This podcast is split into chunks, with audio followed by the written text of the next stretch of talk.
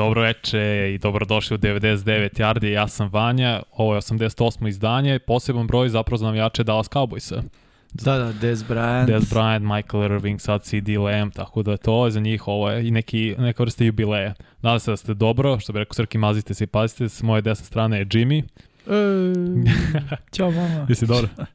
odličan sam, odličan sam. E, da ti čestitam za titule. Svaka Hvala. čast. Hvala, čast. hvala. Kako je bio, kako je bio utisak meča generalno? E, odličan meč. Kao što smo ga najavili prošle nedelje, stvarno e, meč vredan finala i ja mislim da je bio najbolji meč u, u sezoni što se tiče domaćeg prvenstva i onako dve čvrste ekipe e, sa dobrim odbranama koje su se borile do poslednjeg bukvalno poslednjeg zvižduka jer je ekipa Wild Borsa imala a, poslednji drive na meču. Dobro su kontrolisali sat, ali eto, jedan blokiran pokušaj dodavanja koji se završi interceptionom s naše strane. Neki Stavio- nerealni interception. Ma, totalno nerealno. Ja sam to proživio u mojoj glavi, to je trajalo 5 sekundi, ta lopta bila u vazduhu.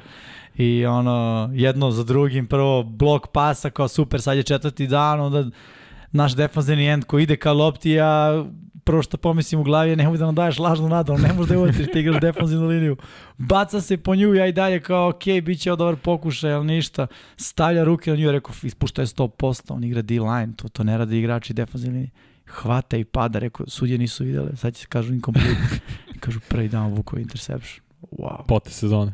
Pote sezone, da, To. i to posljednje sezone. Čekaj, moram te pitam. Da, inače, snimili smo intervju sa Đorđem Tavekijem u sredu, pustit ćemo ga posle, malo ću naprođem kroz neke glavne vesti u NFL-u i posle Q&A, a pre toga, ovo ti je tri pit. Tri za redom se zvanično Aha, osvojili kao da. ti pogotovo kao head coach. Ako možeš da izdvojiš, koji ti je omiljen da ovo tri bio? A znam, znam da je teško pitanje, Da. ali sam morao. Pa ne znam, ono, prvo kad smo, kad smo osvojili, bila je ona kao prva, dokaz sebi kao možemo to. Drug, pošto je prva bila u onoj ligi eh, 7 na 7, bez Mhm. opreme zbog uh, koronavirusa. Druga koju smo osvojili prošle godine bila je ovaj, opet dokaz sebi možemo to 11 na 11. A ova je, osvojili smo proti Kragujevca u finalu, pošto prošle godine nisu. Tako da je ovo dokaz da ono, pobedili smo i Kragujevac. Tako da, ne znam, ne bih mogao da, da izdvojim, mislim, sad tek, eh, sad tek, mislim, razumeo sam to i ranije, ovaj, kad je ono Brady govorio omiljena ti je sledeća. Stvarno ti je omiljena sledeća iz prostog razloga što to je to, za mene ova više ne postoji. Ona je jednako daleko kao i titula koju smo osvojio kao igrač pre, ne znam, 10 godina, tako nešto. On tu Cincinnati, taj faz. Pa da, nema šta više, to je to. Izašli smo, popilo se, proslavilo se, to je to. Ne, to, to baš mi je drago, stvarno uhvatio sam posle reprizu da gledam i bilo fenomenalno. Zaista, i nadam se da su ljudi gledali, da su mogli da uživaju u meču. Teo sam pitanje, je li bio MVP na kraju meča? Ili Bio. to bio, ko je bio? Pa bio je uh, Andrija Drča, defanzivni end koji je napravio Koji taj napravio interception. Ali ne da. samo zbog toga, mislim, nije ga jedan potez definisao, celu utakmicu je vršio pritisak, Mhm. imao jedan sek. Imao jedan sek koji čini mi se da nakon tog seka Kvotarve Kragovica više nije igrao na istom nivou. Došao mu je sa slepe strane, sa leve strane, nije ga uopšte video niti očekivao, sravnio ga je sa zemljom i ovaj momak nakon toga je bio dosta, dosta obazrivi, čak i kad je trčao, nije, nije trčao, da kažem, Samo pouznanjem, ako što kao Da, da, da, onako bio prezni. Ne Da, mogu da, da. momak je sjajan igrač i definitivno najbolji igrač u našoj ligi je, je uh, Isaiah uh, Green, quarterback uh, Wild Borsa, mislim bio ove sezone, uh, ali osetila se promena u njegovoj igri nakon, nakon tog seka. Tako da to, uz ceo taj pritisak koji je onako baš bio jak na, na toj utakmici, ovaj, uh, koji da kažem nije bio baš karakterističan za nas tokom cele sezone, uh, i taj finalni, da kažem, čin meča sa ono interceptionom dok lopta pada, on se baca na nju, mislim stvarno, ma da, fenomenalno. Vidio sam, mislio sam zapravo da je MVP bio uh, wide receiver što nosi broj 1, jer sam vidio neko krunisanje, E, kao on je- posle. On je bio uh, On- MVP lige. Da, uh, trener Wild Boars Allen i ti isto o njemu čini se pričali prošli Da. put, ono, da je poprilično talentovan klinac, ima što je Jeste. 18 godina. Da, 18-19 godina, tako nešto. 18 možda će napuniti 19 Mhm. ove godine. Ali da, Petar Bajalica, to je ime. Zapamtite to ime. Nice. Ovaj, da, da, da, on je bio MVP uh, ligi i sad postoji pravilo da MVP lige ne može da bude stranac, Mhm. samo domaći igrač, zato što je nagrada taj neki mač, čini mi se svetog vida, koji se predaje igraču i cele godine kod njega do naredne sezone. A, Da, cele nice, godine mač stoji kod njega, da, da, da. I onako, baš je, mislim, super je, super izgleda taj, taj mač i ceo taj moment je onako fantastičan. I to je uvedeno od, ako se ne varam, pre par godina. Da, pre, pre, one sezone pre korone, čini mi se da ta prvi put dodeljen. 19, da. Tad je prvi put dodeljen. I onda je tadašnji MVP dve godine imao kod sebe, pošto se nije igrala. Mislim, igrala se 7 na 7, ali kao to nisu Da, da, da, se da. glasalo za to. Pa strava, stvar, to je baš cool. Uh, da li sad ima en, uh, američki futbol na našim prostorima tek od septembra, reprezentacije to? Uh, reprezentacija, utakmice će biti u oktobru. Mhm. Prva protiv Švedske, druga protiv Švajcarske. E, protiv Švedske se igra u Švedskoj, u Stokholmu, a Švajcarska će dolaziti u Srbiju, nisam sigurno još uvijek gde se igra. E, ima američkog futbala na, e, da kažem, omladinskom nivou, juniorska liga kreće krajem septembra, biće neki flag turniri za, za klince, biće i flag liga za odrasle, Strava. da, ona kreće isto tako u septembru. Kako I- se prijavljaš? E, mislim da je sad kasno. A, Bile su prijeve za klubove. Sad ako se Aha, klub aha. prijavi, onda igrači mogu da počnu da a carski, carski. da da budu deo da budu deo klubova, tako da ovaj prijav ne znam tačno koliko se prijavilo klubova, ali čini mi se da za tu seniorsku flag ligu ima barem jedno isto kao u prvoj ligi 8 do 10 klubova, tako da zanimljivo. Strava, baš ko nisam znao. Jeste. Ko zna, može se prijaviti, već zanimljivo. Ajde, ajde Vanja. Čekaj, challenge. sa pravom loptom klasa? Da, da, sa pravo. Strava. Samo nemaš kacigu, nemaš da, da, shoulder znam, znam, pad, znam, strava. igra se 5 na 5 To. i ovaj, nema kontakta. Koje su još pravila? Pa pravila su ima četiri pokušaja za pola terena Dobro. i četiri za touchdown, ako osvojiš pola Mhm, terena. mhm. Tako da to je to. Znači ukupno možda igraš maksimum akciju od 8, to jest možda imaš drive od 8 akcija maksimalno. Ovaj, e, imaju tu još neka pravila kada se približiš 10 yardi od end zone, nema trčanja, mora pasom da se Mhm. igra. E, kontakt nije dozvoljen, e, ima blitz, ali sa 7 yardi razdaljen od skrimidža. Čisto da se quarterbacku. I quarterback ima 7 sekundi da baci loptu. Quarterback ne može da trči, E, to. Da, ok. on može, ako primi, onaj koji primi loptu od centra, on ne može da trči, ali može se okrenu nazad da baci pas unazad i onda tom igraču iza daje pravo i da baci pas i da trči. Jasno. On postaje i trkač i, i paser. Strava, nisam na to. Baš Da. A, Zanimljivo je. Jeste, je, što je najgore, stvarno ću razmisliti o tome. Bez jebancije. E sad, o, neke od glavnih vesti jeste da su izašle rang liste. Mi smo to radili u aprilu i maju, pre drafti malo, malo nekoliko pozicija nakon. E sad, ove, ove liste su pravili GM-ovi, funkcioneri, treneri i, treneri i igrači u NFL-u. ESPN ih izbacio, ali mislim da je poprilično važno da vidimo šta igrači, kao što rekao treneri i funkcioneri, misle koje... Mhm. Samo sam da te pitam, je to na osnovu uh, za prošlu sezonu ili predviđenje za, za prošlu narednu? sezonu i, pre, i kao odmah predviđanje za narednu. Mhm. Znači, u sklopu onog šta si uradio prošle godine, kako predviđaš šta ćeš da uradiš ove naredne, šta sad, koje dolazi. Ti si to znam ispratio. Ispratio, malo šokirao ne, sa neke pozicije, iskreno, pričali smo malo pre ovoga kako je Andrews niz, za mene bar ne, otkrivom on je na četvrtom mestu, ne, neki su ga čak stavili i na šestu, tako mi je to bilo Mm. iznenađujuće, jer je čovjek po meni bio i na našoj isto rang listi bio najbolji tight end. Da, I to jednoglasno čini da smo ga svi stavili kao broj 1 jes. ti Jimmy Srki i ja, tako mi je baš bilo čudno vidim njega na četvrtom mestu, ali dobro. Da, pa to je, ono, mislim da kažem stvar preferencije u smislu, uh, pričamo o tri, možda kažemo ajde i četiri. Mislim, ajde kad smo spomenuli taj tendove, Hoćeš prvo njih? pa ajde da, da protočimo kroz tu Samo listu. da prvo da ih nađem i gde sam ih sad stavio, running backovi, wide receiveri, evo si ih tight endovi. E sad, Koliko je top 5, top 10? top 10. Top Dobro. 10 je onda nabroje, kao što smo mi radili, tri, trojicu, četvoricu koji su bi, bili u nečih top 10, ali nisu na kraju zbog Aha. egzaktne matematike. Kako nas kopiraju Da. čoveče, znači ne Da. da... Ja, uvek, da. Uh, prvi je George Kittle, koji je najviši rang o... Nećeš više od broj- 10 na 1? Ne, od odmah, E, da. moj, aj. Ali tako je namišljeno, ne mogu se da spuštam dole. Ne, prvi je George Kittle, a naj, najniži rang koji on dobio je broj 3 na trećem mestu. I prošle godine isto bio prvi, tako da, ok, George Kittle smo sva, tro, sva četvorica stavili u top 3, čini se da, bio, da išlo kod nas Andrews, uh, Kelsey pa Kittle. Ispravno da, ako Da, greš. da, čini se, da. Drugi je baš Kelsey koji isto naj, najbolji rang mu bio broj 1, najniži broj 4, prošle godine isto drugo mesto. Waller, treći, najviši rang drugi, najniži peti, isto prošle godine treći, to se ja uopšte ne slažem i onda sad Andrews četvrti, najviši rang drugi, najniži šesti, isto prošle godine bio četvrti, pa onda imamo Kyle Pitts peti, Dallas Goddard šesti, TJ Hawkinson sedmi, uh, uh, uh, Dalton Schultz je osmi, to mi je bilo zanimljivo iz Dallasa, tight end. Ne znam, ne mogu setim kod nas koji Bio je je bio. bio kod nas na top 10, Jel? ali si sigurno. Jeste, jeste. Dawson Knox je bio deveti i Mhm. Hunter Henry deseti. Sad neki igrači, ono, Gesicki, Fryermuth i Zach Ertz i na Joku su bili van top 10-ih, da zaokružimo tih 14-15. Da, pa baš pre ono što smo pre, krenuli, ti i ja smo pričali o tome, eto, ako kažemo uh, Kittle, Kelsey, Andrews i Waller, njih četvoricu onako nekako uh, izdvajam jer su stvarno drugačiji od svih ostalih. Mislim da je to samo stvar preferencije koga ćeš da staviš na mesto broj 1. Koga god da staviš nećeš puno pogrešiti. Možda bi za moj ukus najviše pogrešio da je Voler broj 1, jer mislim da, da je najtanji bloker od svih njih. Nije loš, samo je naj, najtanji ovaj uh, Nama bloker. Voler sad gledam nije bio top 10. Pa zašto je propustio pola sezone? Pa baš zato, zato da. je neverovatno da je ovde stavljen da, u ali, tri. Uh, ok, uh, nisu oni rangirali prošlu sezonu, oni su rangirali Uh, potencijal za sledeću sezonu, koliko te ja razumem? Uh, rangirali su oba na osnovu prošle sezone i onda potencijal kako, se, kako da. će se projektovati za 2022. Da, okej, okay. znaš, možda su posmatrali sada Raidersi imaju i Adamsa, znaš, za volera će mm -hmm. to mhm. može značiti, uh, ne znam, više meta u crvenoj zoni, više touchdowna, zbog toga rastere, rasteretit će ga, uh, moći će da opet igra u nekom punom potencijalu, jer će ekipe morati da se fokusiraju na, na Devonte Adamsa. Može to bila logika. Moguće. Što se Andrewsa tiče, naš naredne sezone, on, uh, to je prošle sezone nije igrao celu sa, sa Lamarom, Lamar je bio povređen, mm -hmm. uh, možda i sumnjaju da može da ponovi takvu sezonu. Ti si ima brutalnu sezonu kao. Titan Brian, bio i All Pro i Pro Bowler, sve stvarno je odigrao neverovatno.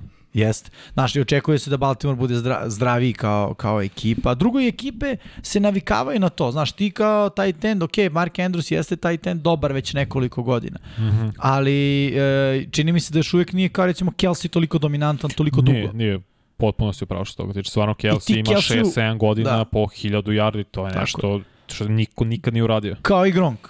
Znaš, I ti kada vidiš uh, dugotrajnost, -huh. ti tome moraš da daš prednost. Jer ti od Kelsija već očekuješ. Da, da. A Mark Andrews može biti samo da je ovo bila prošlo da je to bila ta sezona. Da naredne, znaš, ne mora znači da će biti loša, ali može imati 700 yardi recimo. Da, da, neće biti na tom nivou kapirano što hoćeš da kažeš. Da. Ali opet, i dobro, i Kittle Midelo je kao, pošto je broj 1 na njihovoj listi, najkompletniji taj den.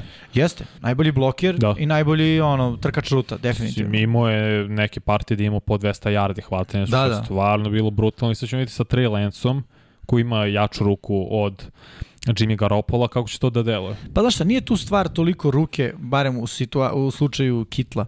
Mislim, ne treba njemu kao previše quarterback sa jakom rukom. A Kittle je... Kittle je neko ko je apsolutno igrač ono, da, šeme, u smislu uh, ti možeš napraviti takvu šemu da ga staviš bilo gde, mm -hmm on može da bude, može da bude produktivan. Znaš, i akcije 49ersa su takve. Oni ne igraju na jednog čoveka, oni igraju na ceo tim. Sad mi kažemo Dibo Samuel. Da, ali Dibo iz backfielda, Dibo iz motiona, Dibo kao receiver. To nije samo jedan čovek. Mislim, to je naš Dibo sa različitih pozicija. Dobre. Šta bi značilo ekipa koja se osnovna jednog čoveka? Cleveland Browns imaš Nika Čaba i samo trči, znaš da je on konstantan. A nemaš... Dodao bi Čab i Hunt. Ok, to je duo. ali nema niko njih hvatanja, niko ne, njih nije brutalni ne. hvatač, što znaš da je zapravo igra po zemlji. Oni Tako su je. ekipa koja trči. 49ersi onako prave jedan miks nekako na prvi pogled bih rekao da su bar jedno 55, može i 60% run first ekipa. Yes, još Trey Lance mora, će moći i može to da radi da iz PES, yes. uh, iz RPO-a i on uzme loptu i da trči. Tako je. Prosto e sad, ima te fizičke predispozicije. Kitla smo videli opet sa jednim, da kažemo, limitiranim quarterbackom kao što je Garoppolo. Jeste. I ono, za sad funkcioniše jako dobro. Sa Trey Lanceom, ako se pokaže da je bolji od Garoppola, to može da bude možda još samo bolje, A druga stvar, Kittle će na jednoj utakmici da radi onaj prljavi posao i da pravi one blokove koje niko osim ofenzivne linije ne voli da pravi i onda će se na nekom screenu odvojiti, ono, pregaziti trojicu i postići touchdown. Znaš, to je jako redko. Kelsey to ne radi. Da, da Kelsey da. nije toliko dominantan bloker, na primjer. Mark Andrews je odličan bloker. Mislim, tu nema šta, ali za moj ukus Kittle je bloker brojan, brojan kada pričamo. Sam mislim na levoj strani Kittle i Williams. Da blokiraju levi tackle 49ers. A, da, da, da. Znaš koji to pakao za odbromene igrače za edge rusher? To je pakao za ceo tim, svih 11. Bukvalno. Prema što ostane, uh, srđane, zatvori ta vrata i za otvori ova. e, možeš, Uključi bravo, klimu, praviš, može i to, da. Hvala, hvala, hvala. Molim te, da. Već je ono 30 Ova, noću. Da, pa stvarno je pakao ovaj poslednji par dana. Da, se vratim, što sam rekao Edge i da krenut ćemo sa njihovom listom, to je nastavit ćemo s listom. Prvi, naravno, na listi je TJ Watt, koji je bio i defanzivni igrač i sve stvarno je očekivano što negde čak kod nekih je bio rangiran kao treći najbolji. Oni to rade highest ranking first, lowest ranking third. Nakon njega idemo Miles Garrett, što je isto očekivano, koji je imao podjednako skoro, podjednako dominantnu sezonu. zatim Nick Bosa na poziciji broj 3, zatim Joey Bosa na poziciji 4, Max Crosby je peti na njihovoj listi, Von Miller šesti, koji je u play-offu i poslednjih par nekoliko meča u regularnoj sezoni stvarno da. pokazao zašto je čovjek i Hall of Fame igrač. Chandler Jones je sedmi, Brian Burns iz Carolina Panthersa osmi, Khalil Mack je deveti, Cameron Jordan 10. i sad ima nekoliko igrača Trey Hendrickson, Chase Young, Daniel Hunter, Shaquille Barrett koji su tako top 14-15. Da, mi Chase smo eliminisali, čovjek ni, ni igrao nijedan tako meč. Je, mislim, tako, tako je, tako je. Ne, igrao je na početku. Pa igrao je na početku, ali da. se povredio relativno brzo. Da li neki od ovih imena je onako posebno sad istakao? Pa ne, stvarno mislim da su svi, svi su tu dobri. Sviđa mi se što je Burns na toj listi, jer mislim da mm -hmm. apsolutno zaslužuje. Burns je mlad, ima 24 godine da. samo. Ali zaslužuje da bude tu jer je na, i veliki je progres napravio u relativno kratkom vremenu. Mm -hmm. I to nije uopšte lako u NFL-u. Tako da, pogotovo što on igra za Karolinu, tako, je. tako dva puta godišnje igra protiv ofenzivne linije uh, Saintsa, protiv Baksa, to su sve dobre ofenzivne linije, yes. realno. Yes. Tako da to samo govori o tome da, znaš, možda imamo nešto posebno. Pa mislim da ima stvarno. Karolina kaže, ja sam mislio da Burns ima 26-7 godina, sad kad sam prošao listu piše age 24, 24. Da. Tako da mislim da ga tek čekaju zapravo najbolje godine. Još ako Karolina može da stvori neku jaku defensivnu liniju, što su imali prošle godine front 7 poprilično dobar, ali je vremeno popustio što napad nije mogao da ostane na terenu. I onda oni izmoreni konstantno su bili na da. terenu i videlo se da prosto ni jedna odbrana to ne može da izdrži. Da, da, da, pa dobro, da Karolina ima neke svoje interne probleme, što se kaže. Ali ne znam, ovako na prvi pogled, sad kad kažeš, ne, nema mi puno iznenađenja tu u toj listi. Nema. Kako se tebi čini? Pa isto, manje više nema, stvarno ono, Cameron Jordan mi možda malo niz, niži, on je sad, on je po njima na desetom mestu, mi smo ga stavili, znači, 1, 2, 6. Da. Mi smo stavili na poziciji broj 6, mi, mi smo Joy Boss spustili na 7, oni stavili na četvrtu, sad kapiram, pošto je to ono, poređenje prošle sezone i gledanje kao ovoj novoj, su videli, aha, Khalil Mack, Joy Bossa, to će biti ubitan čantanem. Da. Zato i Khalil Mack realno ne zaslužuje, možda sad bude u top 10 zbog prošle godine, ali u, u novom sistemu, u boljem definitivnom timu. Potencijal izgleda dobro, mislim, za da, sezonu. Da, da. Tako da, da nema nekih iznenađenja, se možemo pređemo odmah na defensivne teklove gde je prvi naravno Aaron Donald, to je jedini jednoglasni koji je svima na prvom da. mestu ne moraš šta dalje da Lowest rank one. Da, da, bukvalno to piše. Ne, mislim, i očekujem, stvarno ja ne znam koji bi trener, igrač, funkcioner stavio da nije. Da. Ne, nemaš koga Možda ovi iz Bengalsa, pošto su igrali Super Bowl, izgubili. Možda Joe, Joe Barrow ga stavio zbog poslednjeg zbog poslednje akcije. Drugi je Jeffrey Simmons. To, to je zanimljivo zato što Chris, Chris Jones je treći iz Kansas City Chiefsa, DeForest Buckner četvrti, a Cameron Hayward peti. Ja sam meni Hayward malo niži, jako je dominantni, ali opet to, ta, njih četvo, ta četvorica nakon Aaron Donalda stvarno su male razlike. To je sve što si ti rekao, šta ti se više sviđa kao neko da. igrač. Da. da, uvijek je tako, mislim, po meni kada gledamo top 10 u, u NFL-u. Stvarno su ono, Nije, top 5 definitivno. Nakon toga, ok, možda ima malo više prostora za mm. diskusiju, ali mi pričamo o 10 najboljih uh, unutrašnjih igrača defensivne linije, ima ih svaka ekipa po dva startera. Da. Znači, ono, pool je 64 mi treba da izaberemo šestinu, skoro sedminu ovaj, od, od toga. Mislim, nije lako, pričamo samo o starterima. Da, da. I mislim da su tu svi igrači, ono, top, krem de la krem. Posle su Kenny Clark na šestom, Vita Vea sedmi, Ari Karam Armstead i San Francisco 49 osmi, Grady Jarrett deveti, to mi se sviđa zato što je Grady Jarrett tu loše Atlanta, je stvarno odbrana yes. katastrofa. On i cornerback uh, AJ Terrell su jedine svetle tačke toj odbrane. Da. I na kraju 10. pozicije Jonathan Allen iz Washington Commandersa. Ima tu Le Leonard Williams, Javon, e, niko iz Eaglesa, to mi zanimljivo nije zapravo top 10. Spomenut je Hargrave, spomenut je i Fletcher Cox, ali niko nije u da. top 10. To Hargrave mi... je imao velike probleme oko zaustavljanja trčanja. Jasno, ali Fletcher Cox to zapravo popunjavao. Jest, jest, jest, to je Fletcher Cox popunjavao, slažem se. Ali šta znam, vjerojatno ga video na zalasku karijere, ono, mm -hmm. da je možda još jedna sezona tu za njega i da posle toga ide u penziju. Pa dobro, draftovali su za me. Da, da, da. Doveli su Medveda, tako da... Tako je. Mislim, sva, ono što sam rekao i pre drafta i posle drafta, ja stvarno mislim da će Eagles i ove godine biti ubedljivo najbolji u diviziji. Polako, mora se skockati tu stvari. Nije ne, ne, samo... jasno, sve mi jasno, mislim da je naj, najveći znak pitanja posle quarterbacka i Jalen Hurts, da jeste Dak Prescott bolji, ali ako pogledaš ostatak rostera, stvarno Philadelphia Eagles imaju možda top 3, top 4 po mm. talentu u NFC-u. Da, dobro, znaš, ne mora uvek ni da pobedi bolji quarterback. Mislim, Nick Foles je pobedio Tom Brady. Yes, Igrao je Super Bowl. U tom ne, jednom absolutno. meču tu noć ga je pobedio i to je sve što da, Philly da. treba. Kad dođemo u playoff, da to veče Tako neko je, za blist. Tako je, pa evo ko je, kako se sad mi stao mozak, uh, Joe Flacco. Zabavio to onaj playoff run da izdominirao tri meča koliko imao 13 touchdownova, dve presečene lopte i eto ti. Da, da. Eli Manning, pa da, Eli Dobro, Manning. Dobro, nije, Eli je dugo bo... sijao, cela karijera, nije baš. Dobro, u play-offu sija. Nije sad u, u regularnoj sezoni imao je godine gde ima preko 20 presečenih Ja sam ga jednom imao u fantasy futbol, odličan igrač. Da ga imaš, Veruj mi, odličan igrač. Uopšte nije ta priča kao ono, samo što je igrao ružan futbol, znaš. A nije, I on kad si ga imao, koje godine? Nemam pojma, stvarno. To je baš stavno, mora da je bilo. Veruj mi, sad razmišljam da li prošla bila 19. ili 20. Ono, nemam pojma koja godina. Ne, nije igrao 19. 20. Ne, ne, ne, kad, sad, kad, kad ne, sad da me pitaš koja je bila prošla godina, ja bih stao da radiš da je 19. ili 20. bila je 21. razumeš? Da, da. Tako da nisam s godinama dobar uopšte. A, bio je dobar, bio je konstantan i onda ti daje jednu utakmicu sa 38 poena. Ono. I Odell je imao lupan 20. I, kaže, ja to pričam, meni, po meni je Odell njemu produžio karijeru. Pa to je bilo uzajemno. Je, pa dobro, da, ali opet mislim da nisu, da nisu draftovali od dela da bi možda me Ila i završio ranije karijeru. Je stvarno bilo mučenje i Giants i dan danas se muče, to je prosto da, od Superbola. nije, nije, ne, ne daleko od toga, ali od Superbola stvarno Giants i od, otišli su jednom u playoff i to seća se proti Green Bay Packers su igrali u divizijskoj rundi. Čuvena ona slika od dela na brodu u Miami u nedelju dana pre toga. Da.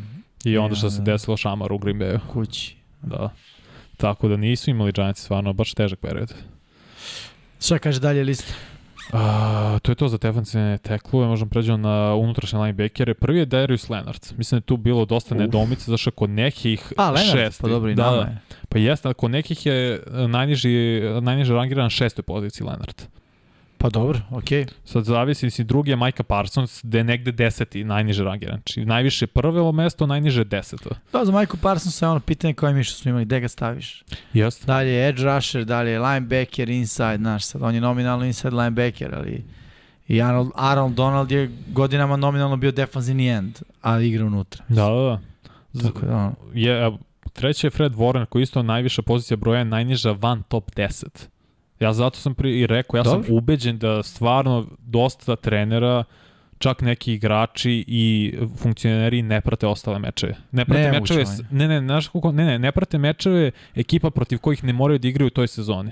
Jer ti stvarno, ja nemu, nemam ni jedno objašnjenja, razumno ti staviš Fred Warner van top 10. E, jeste, ali znaš kako to ide? Samo sad, iz tog razloga, jer nema mi logike. Mi ne igramo protiv 49ers. Pa da. Ali igramo protiv Packersa koji su igrali protiv 49 Ja gledam snimak Packersa i vidim ko je 52 čovječ. Šta radi? Ko je lik je? Fred Warren. A, okej. Okay. Znaš, vidi kakav igrač. To, to je to. Hoće ti kažemo, ne mora eksplicitno da igra protiv te ekipe. Ali da, gledaš, da. dok spremajući se za drugu ekipu, uh, mora da vidi te igre. Mora da vidi sve igrače u ligi. Verujem. Jimmy, mi nismo imali Warnera ispod top 4. Pa dobro, okej, okay, zato smo mi ovde, a oni su executive. Mislim, pa, kako, da, razumeš? Sad, zato on je vlasnik neke kluba, a mi smo ovde i pričamo o njemu, razumeš? Ja mislim da, da on nema podcast o nama. pa nema, ne, ali stvarno, meni, ovo stvarno je dokaz da istinski ne prate Jer... Nije, NFL se promenio, to je prva stvar. Ti Dobro. više nemaš prototip linebackera. Šta je prototip linebackera? Devin White. Pa meni nije, na primjer. Meni nije prototip. Mislim, on je sad sledeći četvrti, pa mi zato... Ne, okej, okay, ne, meni recimo nije. Znaš, sad ka, odrade 10 ljudi, svako bi rekao nekog svog prototipa. Prototip, neko bi rekao Ray Lewis. Živeo bi dalje u 2000. godine, rekao ne, bi Ray Lewis. Za današnju igru, iskreno... Za današnju igru? Ne, za današnju igru, iskreno mislim da je Fred Warner ili Darius Leonard. Pa vidiš, da nemaš čak ni jednog, znaš. Neko od njih dvojica. pa, to ti kažem, a njih dvojica nisu uopšte blizu. Leonard je viši, ako se ne varam. Ne, mislim da je Warner viši. Da je Warner 6-3, da je Leonard 6-1. Sad ću broj... Okay. Sad ću Ali u svakom slučaju da kažemo ono, šta možeš da povučeš kao njihovo, njihovo ono zajedničku, zajedničku neku karakteristiku? Pokrivanje tight endova, uh, zaustavljanje da, za Mike linebacker to nije toliko bitno. Znači, ti ne igraš često jedan jedan sa tight end. Mislim, super je ako znaš, ali nije, nije presudno. Ja ne bi nikad izabrao linebackera koji igra Majka, ne ume da, da, da, da zaustavi trčanje, pokriva tight enda. Mislim, ja, meni taj nije prototip, iskreno. Ne kažem da je to neko od njih, ali hoću da ti kažem, futbal se danas toliko promenio. Slično su više... građe oni, Darius Leonard. Ovo je 6-3, ovo je 6-2. 188 Leonard, Dobro. 191 Fred Warner. E to sad već, sa. Mnogo traži. A, sa. Nešto mi u glavi da su različiti, ali nema veze. 104, ne isto kilaž. Dobro, super. Znači, i slični su vrlo i taj prototip nešto što smo pričali što izlazi poslednjih par godina. Isaiah Simons je taj tip. A Zea Simons igrao cornerbacka na koleđu. Igrao sve. Pa to ti kažem, znaš. Ali to, ali- ali, ali to se izgleda traži. Treba, Ne, ne, jedino traži koji iskače pokret- je Tremaine Edmonds koji ima 6'5, ima 115 kila Vidi. i gazi sve. Ja se slažem da se to traži, ali gde je Tremaine Edmonds na toj listi? E, sad ću pogledati. Odlično pitanje. Samo da nastavim listom, Devin White, isti slučaj kao sa Fred Warrenom. Prvi, najniži van top 10. Da. Opet, ne, ne znam, ne, to mi se ono objašnjava. Rakon Smith je top 5, mi ga nismo imali top 10. To možda je naša greška, realno je trebao da bude top 10. Dobro, znaš koja je tu stvar? Ali nekoga rangirao kao broj 1. Jasno, ali znaš zašto ga neko rangirao kao broj 1? Ja sam siguran da, da su oni uzeli u obzir sve.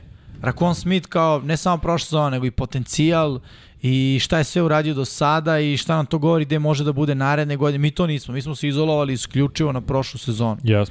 I to je bilo to. Znači, da kažem, različit je uh, tip skale koji je uh, o, o kojoj pričamo. Rakon. Smith je ovaj niži linebacker. On ne 6-1, malo taj fazon. On je taj malo da kažemo se vratimo na nulte godine 2000, taj tip linebackera.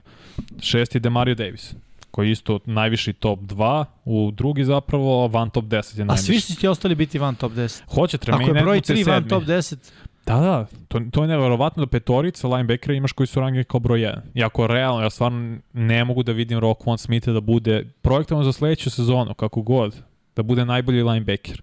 Prvo u timu je Chicago Bearsa koji vrlo vratno će i ovaj edge rusher uh, Floyd, čini mi se ispravim ako grešim, mislim da jeste. da. Floyd. Otišao Kim Hicks, otišao Khalil Mack, znači po starteru defensivno nisu otišli. Ti stvarno misliš da će on moći da bude I to jeste, mislim, takav je, prosto tako je kako je, da ti si dobar koliko su tvoji saigrači pored tebe, a Chicago Bears i trenutno u odbrani nije to to. Ne može sad niko da me ubedi da će Rockon Smith biti najbolji linebacker sledeće godine. Pa taj neko očigledno misli. Mislim, čim mu je dobro. Znaš, to je možda bi jedna ekipa mu dala. Jedan, jedan čovek. Ne, jeste, jedno. Možda ga zna lično, možda su kućni prijatelji. Pa ne, mislim, ozbiljno ti kažem, ono ko znaš. Ne, jeste, pravo, znam znaš šta misliš. Šta, šta nekog tamo briga, bili drugari na koleđu ili su završili isti koleđ, znaš. Uh, sedmi je Edmunds, osmi je Bobby Wagner, deveti Lavonte David i deseti Jordan Brooks iz Seattle Seahawks. To mi je zanimljivo, mi nismo imali Isto. uopšte Jordan Brooks uh, Da. ni na vidiku, mislim imali možda oni 115. znaju nešto što mi ne znam za sledeću sezonu. Moguće, moguće, jer ovo je Bobby njegov... Wagner je otišao. Da, ovo je bila druga sezona Brooksa, ovo sad ide na treću ove godine, to ko zna, možda stvarno iskoči. Da. Nekima je bio u top 5, kao Da. highest ranking je bio peti. Tako da ko zna i posle imamo naravno Eric Hendricks, Devondre Campbell, viš Devondre Campbell Nije bio uopšte. nije bio uopšte bio prošle godine All Pro. Da. I realno je u odbrani uh, Green Bay koja je prepuna zvezda na, u sve tri linije. Defanzivna, linebacker i secondary. Jeste, ali opet kažem, znaš, stvar je skale, šta tražiš. Yes, pa da, ne, Ja ne i dalje ne razumem, gledamo prošlu sezonu i pravimo projekcije za sledeću. Znači, ja se praviš projekcije za sledeću. Zašto gledaš samo prošlu sezonu? Gledaj karijeru, onda mislim, ne znam. Ako bi gledali karijeru, onda bi, mislim, Bobby Wagner bi trebao bude broj 1. Pa ne bi, zašto sad ima 30 i Pa koliko to, godina. mislim znaš. da je stvarno uzmeš kombinacija obzir svega. Kad, kad pada nečiji Da, da. performans i to. Ne, ne znam kako su uzimali, samo svi piše da su, kažete, istru, uh, funkcioneri, treneri i igrači birali. Da. Koja je bila skala za biranje, to već ne znam. Možemo pređem na linebackera da je Ajmo. prvi Jalen Ramsey. Cornerbacker, Da, cornerback, da sam našao neko. linebacker si. Pardon, cornerbackovi, Jalen Ramsey. Da, Najniže sedmi čak. Znači neko je bio Da. i van top 5. znači bit će tu šarena onda ako je on. pa prvi biće došao posljednji. Marshawn Latimore drugi, najviši prvi, prvo mesto, najniže deveto. Da. Zatim Jair Alexander koji je propustio dobar deo sezone, ali je opet bio spektakularan dok je igrao. Najviše drugo mesto, najniže deseto, ovde je treći. Xavier Howard je četvrti, gde je nekima bio prvi. Zanimljivo. A to je ta egzaktna matematika zapravo, gde... Da. Pitajte mene kako. da. JC Jackson je peti, nekima je bio van top 10 Da. kao najniži. To, tako da stvarno ima šarekoliko, de, šarenoliko je. Denzel Ward je šesti, uh, Patrick Surtain drugi iz Denver Broncosa je sedmi, Marlon Humphrey je osmi koji je propustio sezonu, ali očigledno je projekcija za 2022. AJ Terrell iz Atlante koji je bio po meni najbolji line- corner prošle godine deveti i deseti Trevon Diggs. Da. Dobro, zanimljivo. Mislim, to za Diggsa razumem. Ja, Dosta rizika. previše yardi dopušteno. Da, pa to. previše rizikovao zbog intersepšona i ovaj, ok. Viš, Tredavius White koji se isto povredio nije na listi. On je da. ono kao od 11 do 15. A Marlon Humphrey, to mi opet ne shvatljaju. Meni je i kad su obojica zdravi, Tredavius White ipak shutdown cornerback. Slažem se, mi meni isto izabrao bi ga pre Marona Humphrey, ali ok. Sle je isto tu i za nju Carlton Davis koji ja stvarno mislim da Uf, nije to. To je neko dao pare za to. da on bude... Ne znam, ne znam, stvarno ne znam. I pričali smo i na početku prethodne sezoni Tokio da je secondary Tampe baš bušan. Ne, ja se sjećam samo Davis koliko samo grešaka imao. Pa da. I on je recimo u top 15. Da. Zato i to i sad ti kažem, ono, ne verujem da stvarno ljudi toliko gledaju tape. Ne Nemoguće, ti skauti su vanja plaćeni da gledaju. A kako onda ovako da su nekonstantne liste? Ne kažem da mi znamo ne, bolje, da se okay. razumemo, Ali mi pratimo skoro svaki meč vidi, što je sve stoji da. i koristimo i analitiku ali evo sad pitanje ali... brojan, kako Jamarcus Russell pik brojan na draftu? Znaš, ajde tolike enigme, ono. Trent, uh, Trent Richardson, ono, top. Dominirao na koleđu. Šta kažeš? Dominirao na koleđu. Pa znam, ali ono, šta gledaš kao scout, mislim, pričaš sa njim, ono, pitaš ga e, pa to je već drugo. kako razmišlja. Da, da, to, to ne znam. Kaže, na brojke i kako igra na, kol, na koleđu, pogotovo pa znam, ali ne možeš vidi, uh, ne možeš stvar koja se tiče ljudi da posmatraš on nehumano, u smislu, a samo ću gledam brojke uh mhm. -huh. i koleže, moraš da vidiš kakav je to čovek, ono, šta ga motiviš i ostalo. Tako da, ne, naš, ne, nemam pojma, ono. Zar nije ima... za Jamarku, izvim što te prekljena priča da mu je neki tim dao tape, da, uh, ovaj playbook, Raidersi. Jel da? Ne, ne, posle ne, su mu, su, počeli su sumiti da on ne gleda uopšte snimke to, koje mu da. oni šalju. I onda su mu poslali CD-ove potpuno prazne, ništa nije bilo na njima. I pitali su ga da li je gledao Blitz Pickup uh, setove, on je rekao, gledao sam, gledao sam. I oni šta znaju da su napravili problem na draftu. Da. Neka je bila neka priča isto, ne znam da li je za njega ili za nekog drugog pre drafta, da je dobio playbook i na, na kraju playbook, playbooka se nalazio 100 dolara. I pitali su ga da li si prelistao playbook do kraja, kaže da, da, kao ja sam, ja sam, kao. I? Kao pa ništa, kao sve okej. Okay znajući da zapravo nije ni pročitao playbook, ništa, jer je 100 dolara, on je vratio playbook njima, 100 dolara je bilo i dalje tu. Da, možda je bio ono kao, s hrišćanske porodice. Pa je iz hrišćanske porodice, on je moja. Da. da prođemo na brzinu safety, Justin Simmons je prvi iz Denver Broncosa, Minka Fitzpatrick je drugi, mi, mi Minku nismo imali. Mislim da smo to baš pogrešili. Mm, ne znam. Ne mogu se se da nismo na kraju imali Fitzpatrick. Nismo, da. Ne znam za zbog kog razloga. To, to, smo, to smo baš komentarisali da smo tu baš pogrešili. Iz nekog razloga totalno mi je... Davno je to bilo, Vanja. Yes. Meni je sreda daleko, a ne Minka Fitzpatrick. I top Ali ti ostao intervju sa Tevekijom u glavi. Yes. To je bio genijalno. Yes. Poslušajte, saslušali stvarno intervju, bio prelep. Da, baš... Da, definitivno, poslušajte ljudi, mislim, pustit ćemo ga za 20 Pusko, minuta. Da. Max. Ovaj, Đođo Tavek je moj mljen NFL igrač. Puho, kako se to znači, nevjerovatne stvarno priče. Da. Uh, Kevin Bayard je treći, iz Tennessee, Dervin James je četvrti, Buda Baker peti, Jesse Bates šesti koji inače rekao da će da hold out je ako ne dobije novi ugovor i da, da vrlo vratno neće biti ni na trening kampu koji počinje za nelju dana, čini mi se, za većinu ekipa, za ostatak ekipa počinje za 10 dana, tako će vidjeti ko, tu situaciju kako će Bengalsi da reše. Mislim da je on jedan od ključnih igrača odbrani da moraju da ga long term potpišu. Slažem se. Mislim, to bi bilo onako super priča da, da zadrže tu ekipu. Uh mhm. -huh. Bar te zvezde i te, te igrače koji su onako ključni i bitni. Pa svoje igrače ti si ga draftovao. Da. To stvarno mogu skinem kapu Jerry Jonesu, on svoje igrače čuva. I plati ih, i nekad i plati više nego što treba, ali svoje igrače su one koje je Dallas draftovao, on, da. on, on ih čuva i produžuje ugovore. Sedmi Harrison Smith, osmi Marcus Williams, novi član Baltimore Ravens, deveti Anton Winfield Jr. iz Tampe i deseti Jamal Adams. Uh. Da, nama je Adams mnogo visoko. Adams? Ne, mi Adamsa nismo imali nema, zapravo. Pa, nema razloga da bude da, top 10. Da, viš. Mislim, ako gledamo samo prošlu sezonu što mi jesmo. Da. Stoni verovatno. I sad i projekcija za novu, mislim, ja ne znam, kada naša će da liči odbrana Seattle. Da, to, to Ali viš, ako je Jordan Brooks... Da, da, očigledno predviđaju ne, ne, nešto dobro u odbrani Seattle. Uh, kad smo kod Seattle malo digresije, priča se da bi oni dre, draftu, to je draft, pardon, tradeovali za Jimmy Garoppolo.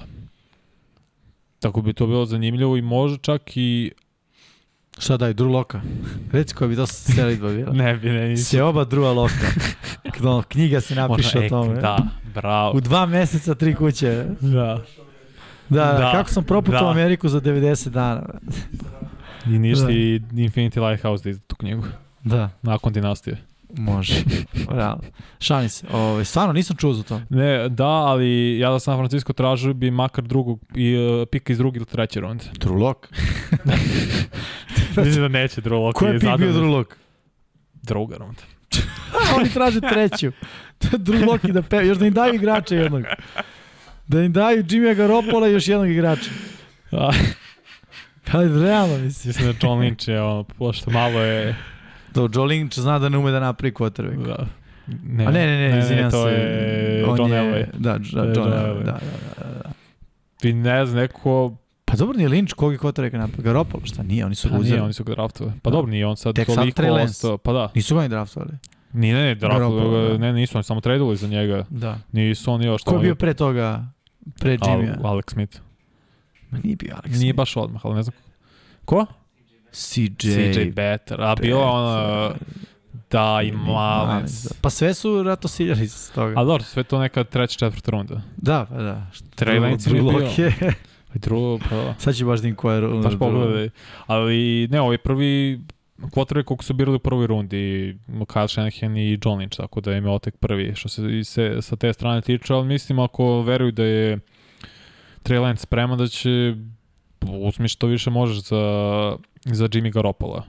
Jer nema smisla da ti bude na rosteru on. Ako Trey Lance spreman, nek igra. Pik drugi runde. Da ti kažem. Prvo je 42 na Da, draftu. da. Znam se da je negdje 40-50, nisam bio siguran. Čoveč.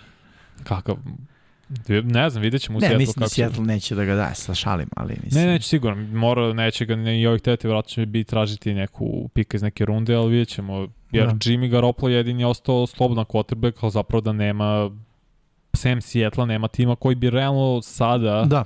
Tradeao, sem ako se neki starter ne povredi.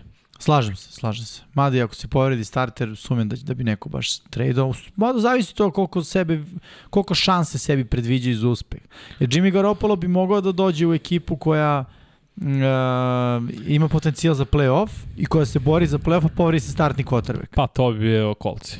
I to bi onda kolcima bio sedmi quarterback u pet godina. Vikingsi, znaš, Pa da, dobro, Kirk, Kirk Cousins se ne povređuje. ne, da, da, kažem, kada bi, Da, kada da, bi da. se tako nešto desilo. Mislim, po meni bilo koja playoff ekipa bi mogla da uzme Jimmy G-a. Jer Saintsi. čovjek ima u svom CV-u Super Bowl i finale konferencije. Da, da, igrao je dva finala konferencije, jedan Super Bowl, mislim, malo li. Pa nije malo uopšte. Uh, ofenzivna linija, to Ajde. je zapravo unutrašnjost. Prvi je Quentin Nelson, guard. Mislim da je to stvarno i očekivano. Drugi je Zach Martin isto, koji je jedan od najboljih garda u poslednjih 6-7 godina. Brandon Sheriff i sad, koji je prešao Jackson Jaguars je treći. Četvrti je Joe Tooney iz Kansas City-a.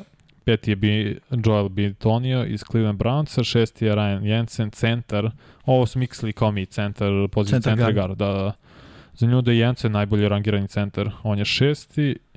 Uh, Jenkins uh, bukvalno je smešten kao ofanzivna linija, pošto igra i levog tekla prošle godine, dok se nije povredio, ali uglavnom igra Srk ispravi me levo garda.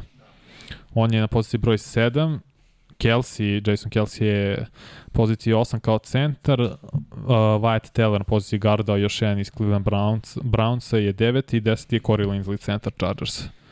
To koju su ove listi ima tu Ryan Kelly Dobro, kad centar. spojiš dve pozicije, lista izgleda Da, da. fantastično, mislim. Izgleda bolje. Zanimljiv Creed Humphrey koji je kao ruki centar Kansas City Chiefs stvarno imao neverovatno. su Jeste, ali Baš. ono, polako. Daj da Jeste. konzistentnost. Ja verujem da će toga biti, ali samo kažem, prva sezona je. E, quarterbackove. Ali imamo ofenzivne teklove. Imam. Ok, ajde Imamo. prvo quarterback. Sad ću probati da ih nađem. Ili ćeš teklove ofenzivne. Uh, aj quarterbackove, samo da vidim gde sam stavio teklove. Pošto mi idemo ako bukvalno suza po redu. Jer su ofenzivni teklovi listi izašla juče, oni su bili poslednji. Aha, aha.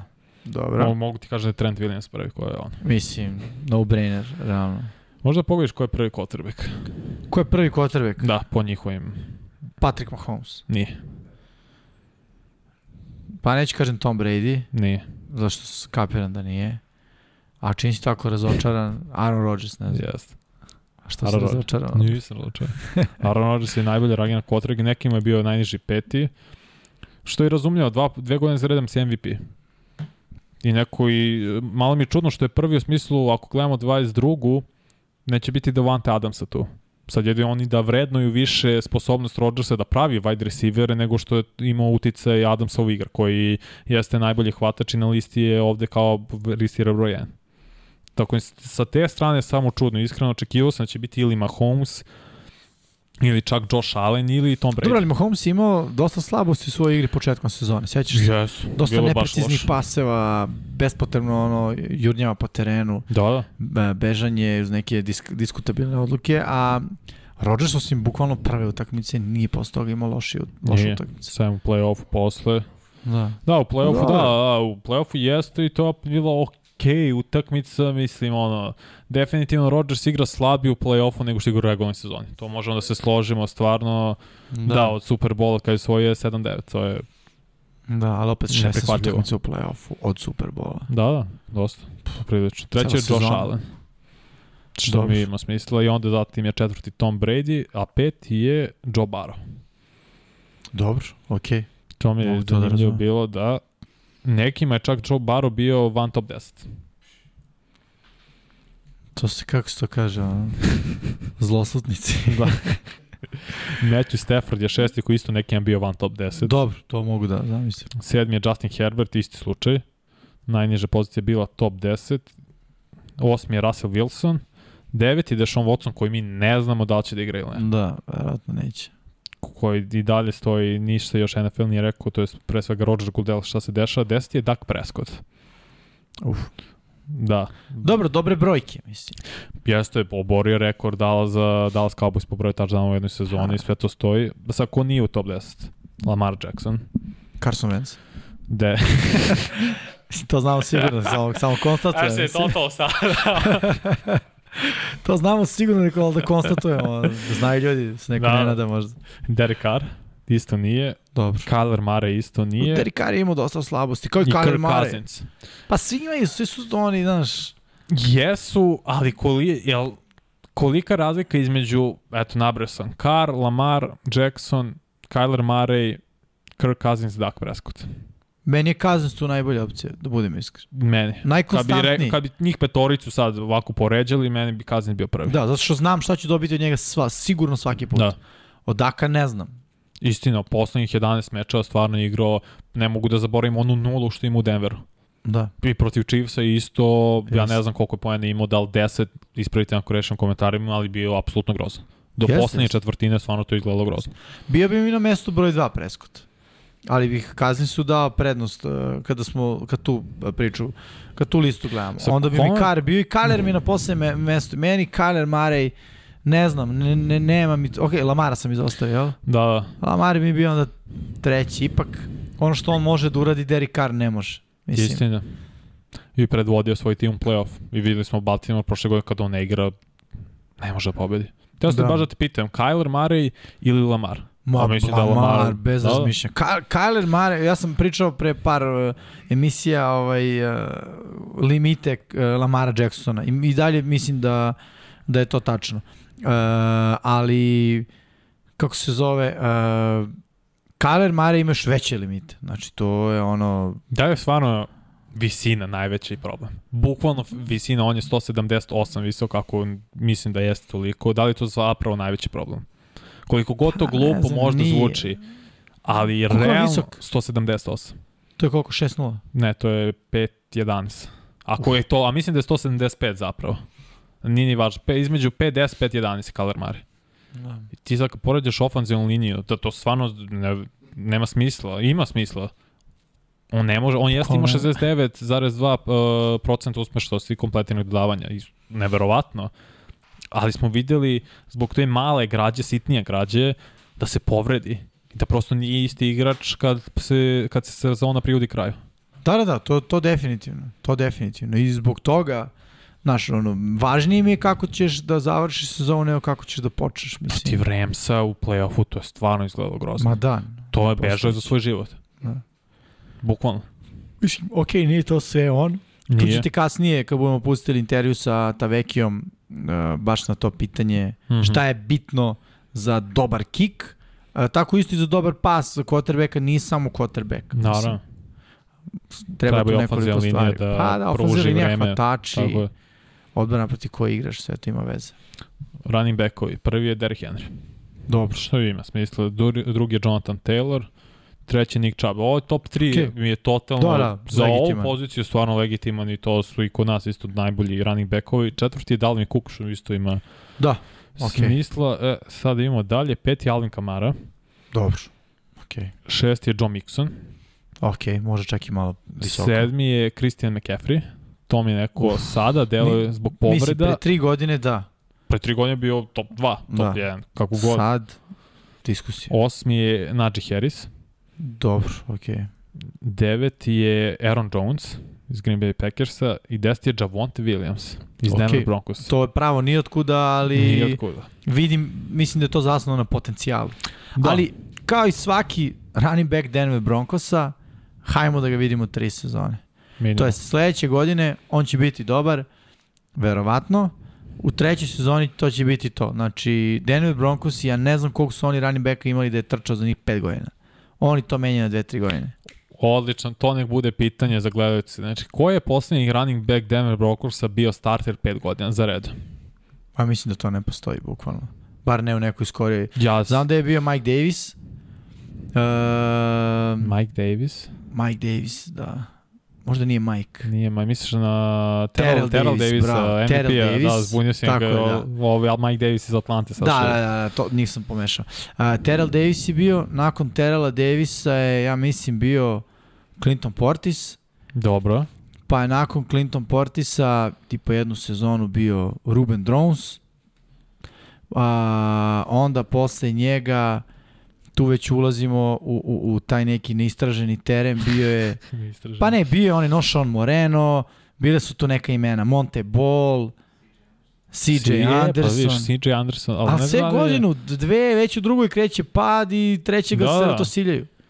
Evo ti Melvin Gordon, ista priča. Jeste. Mislim, on je sad ostao zato što nema neku, da kažem, utrživu vrednost, pa nema neku utrživu vrednost s obzirom šta bi oni tražili za njega, uh, uzevši u obzir koji je bio pik na draftu i sve ostalo. Ovaj, tako da je on ostao tu u Denveru. Ali... Ali mislim, da, no Sean Moreno je bio ono, od 2009. do 2013. Ali opet to ali nije... na rosteru, nije bio starter, ja mislim. Bio starter, Bio bio starter. čitam, da, da. Bukvalno 2009. starter, 10. starter, 11. nije, možda zbog povrede, zato što onda ta 12. treća opet godina. nije i onda 13. jeste. Znači dve godine nije igrao od pet, mislim. To mogu i ja. Platim agentu da me ubaci neku ekipu i da budem na rosteru. I onda da kažem bio sam tri godine. Uh, van top 10 su Ezekiel Elliott, Dobro. Austin Eckler, Saquon Barkley. Dobro, Barkley u, ne, u limbu. Ono, ne znamo gde šta ćemo s njim. Da. Ezekiel Elliott vrlo slično. Jedina razlika između njih što je Elliott zdrav i ne puno produktivan. Meni je Eckler u top 10. Ekeler? Da. Pa dobro, tebi jeste. ali, okej, okay, ali Ekeler ima limit u svojoj igri. Pričamo o Kyle Mario i visini, mislim, jo, i Ekeler ima mislim, problem sa visinom. U smislu, okej, okay, ne mora da bude Derrick Henry, Da, ali opet ono, zahteva zahteva ofenzivnu liniju da blokira na određeni način kada on trči. Istina. On, Kad je, Derrick Henry trči, može on nije prešao 1000 yardi trčanja do sada. Sad je imao najviše Pa dobro. 914, ali on radi drugi stvari. Iz Sa- backfielda pre svega hvata imam dosta Jest, sa touchdownova. Herbertom teško će on imati 1000 yardi Da. u backfieldu. Mislim, Istina. realno. I upravo zbog toga što oni znaju da je on odličan hvatač. I on ima i skrimidža 1000 yardi, to nema problema, Preko, da. ali ovaj, e, trčanjem teško. Istina. Wide receiver, kao što sam rekli, Davante Adams na prvom mestu, ubedljivo. Cooper Cup je isto tu, pozicija broj 2. Jamar Chase je 3, to je zanimljivo. Justin Dobro. Jefferson čet, četvrti. Peti je Tyreek Hill. Okay. Šesti je Stefan Diggs. Sedmi je DeAndre Hopkins, koji će biti suspendovan prvih šest mečeva. Da. Neće igrati. Mislim, ok, Card Cardinals i bez Hopkinsa s Hopkinsom su dve različite ekipe, ali Veoma. nije se baš pokazao ni on u tom drugom delu sezone da, da pravi Pa razliku. nije, tad je propustio. U drugom Ali- delu sezone je propustio utakmice zbog povrata. Ali koliko? Mislim, da Mm. možda 3-4, a? Pa sigurno. Minimalno. dobro, drugi deo sezone od 17 utakmica je barem Pole je 8. propustio, da, Pole je sigurno propustio od tih osam u druge polovini. Mike, Mike Evans je osmi, meni bi on bio viši, pogotovo sad što nema Da. Pa bio bi Uh, barem ispred. da, Andre Hopkins Da. sigurno. Deveti je Debo Samuel, Okay. deseti je DK Metcalf. Za koga nema u top 10? Keenan Allen. koji stvarno da opet da. Chargers, ali čovjek koji šest godina za redom ili manje, ili pet godina za redom ima minimalno 1000 yardi i 100 hvatanja, to ne možeš da zameniš. Da li je Hotterbeck, da. Rivers ili Herbert, nije ni važno. AJ Brown, Terry McLaurin, Chris Godwin, Michael Thomas koji se vraća posle povrede i CD Lamb. Znači to je neki top 15-16. Dobro, meni je to onako na tu na, na, na ivici. Meni DK Metcalf nije top 10. Deandre Hopkinsa ne bih stavio zato što će propustiti skoro pola sezone, tih šest mečeva neće ga biti, tako da samo iz te strane bi zamenio, stavio bi i AJ Browna i Keenan Allen. Da, ali AJ Brown sad u Philly, neće yes. to biti to. Vidjet ćemo, ali dobro, ima s druge strane Devonte Smitha, nešto što nije imao da. u Tennessee-u, to neko ko neće biti stalno fokus Ali ima još nešto što nije imao u Tennessee-u, Jalen Hurts. Koliko je Tannehill bolji od Hurtsa? E, vidiš, Hurts pa, i Tannehill nisu u top 15. Ja čak ne bih ni rekao da je puno bolji. Uh, bolji je za iskustvo, a gori je za starost, ako me razumeš da, šta, da, da, šta hoću kažem time. Iskusnije, video je mnogo više igre od Jelena Hrca, Jeste. spremnije da donese odluku pre nego Jelen Hrc, što je trenutno najveći problem, ali sa druge strane i on ima limit koliko će da igra, jer neće postajati bolji. To je to. Tenehill je to što smo videli, Tannehill može samo gori da bude sad. On može samo da bude u nekom sistemu kao što je Foles bio u Eaglesima onda koji će da dođe do, do, do Superbola i da onda tu, ako ima dobro veče, da odigra kako treba. Da, da. Ali, znaš, onda nije bacio one interceptione koji ja i dalje mislim Tri. da nisu u potpunosti ono, njegova krivica. Vi se vidi, ta akcija se izvodi, ko nije igrao futbol može misli šta hoće. Bubble se izvodi tako da quarterback, u, on, to je no-brainer. Uzmaš loptu, okrećeš kuko i bacaš. Mislim, nema to šta. To je kao, kao da kažeš kao, a zašto mu je dao loptu što nije povuk kad je vidio da je čovjek probio ofenzivnu liniju. Ne vidiš. Ti ne gledaš u to. Jasno, ti uzmeš loptu, okaćeš kuku i bacaš pas, čovjek se pojavlja i seče. Mislim, to je scouting odbrane. Neko mi deluje da to stvarno najbolji quarterback koji makar ovaj 105 to ne bi radili.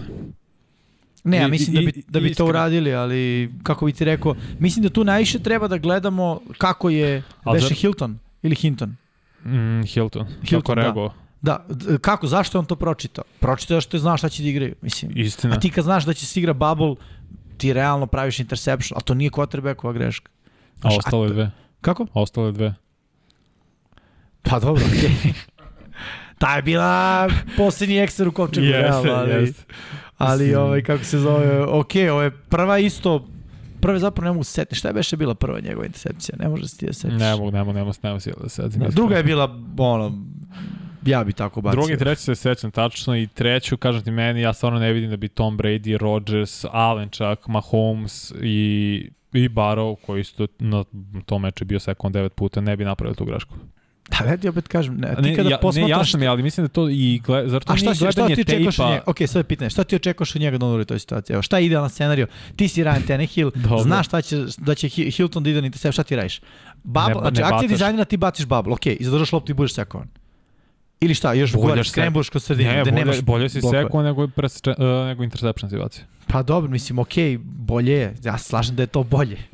Ali, kako bi ti rekao, to, to ti je... Mislim da je to Tenhill stvarno što ti kažeš automatski uradio. To se radi automatski. Kao, kao robo, ali, puno. da, mislim da ova petorica još možda još neki quarterback koji ne bi to uradili odma tako. Automatski, odma pa pa. Okej. Okay. Ok, možda, ali uh, kako bi ti rekao, Makar bi fintirao. meni deluje da to nije bio nikakav read, da on nikog nije čitao, nego je bila akcija bubble. Ne mogu setim akcije da li je neko bio o, slobodan odmah, to stvarno ne sećam. Nema pa šta on... bude, to je bubble akcija. Ne znam, znam. Znaš, o, o, ovaj blokira, ovaj hvata iza, je... nema ko bude slobodan s te strane. Onda ako misliš s druge strane, on ne gleda drugu stranu. Mm -hmm. Druga strana radi neki diko ili blokira odmah, mislim. Ne mogu sad ni ja da se setim tačno kako je bila akcija, ali Pogledam sećam se da je bio ono, bam da završimo pas. Mhm. taman mm. i sa ofensivnim linjašem, to je ofensivnim teklovima, kao što rekao, prvi je Trent Williams, mislim, nema stvarno, nije šokantno uopšte i dobio je čovjek i 99 rating u Medenu za narodne izdanje. Drugi je Tristan Wirfs iz Tampa Bay Buccaneers. Desni tekl, to je zanimljivo.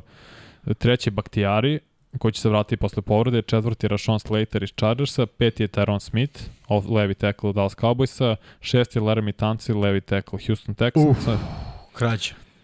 Samo da, sedmi je Lane. Johnson. Lane Johnson. Lane Johnson. Je sedmi, da.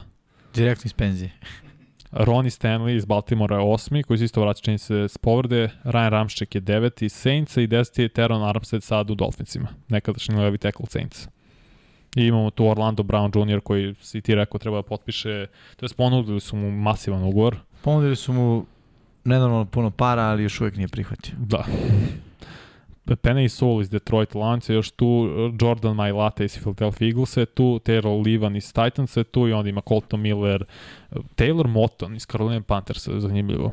Mi je tu neku top 15-20 po njihovim glasanjima i Brian O'Neill iz, iz Minnesota Viking. Dobro. Tako da zanimljivo. Vidjet ćemo sledeću sezonu. Pa da.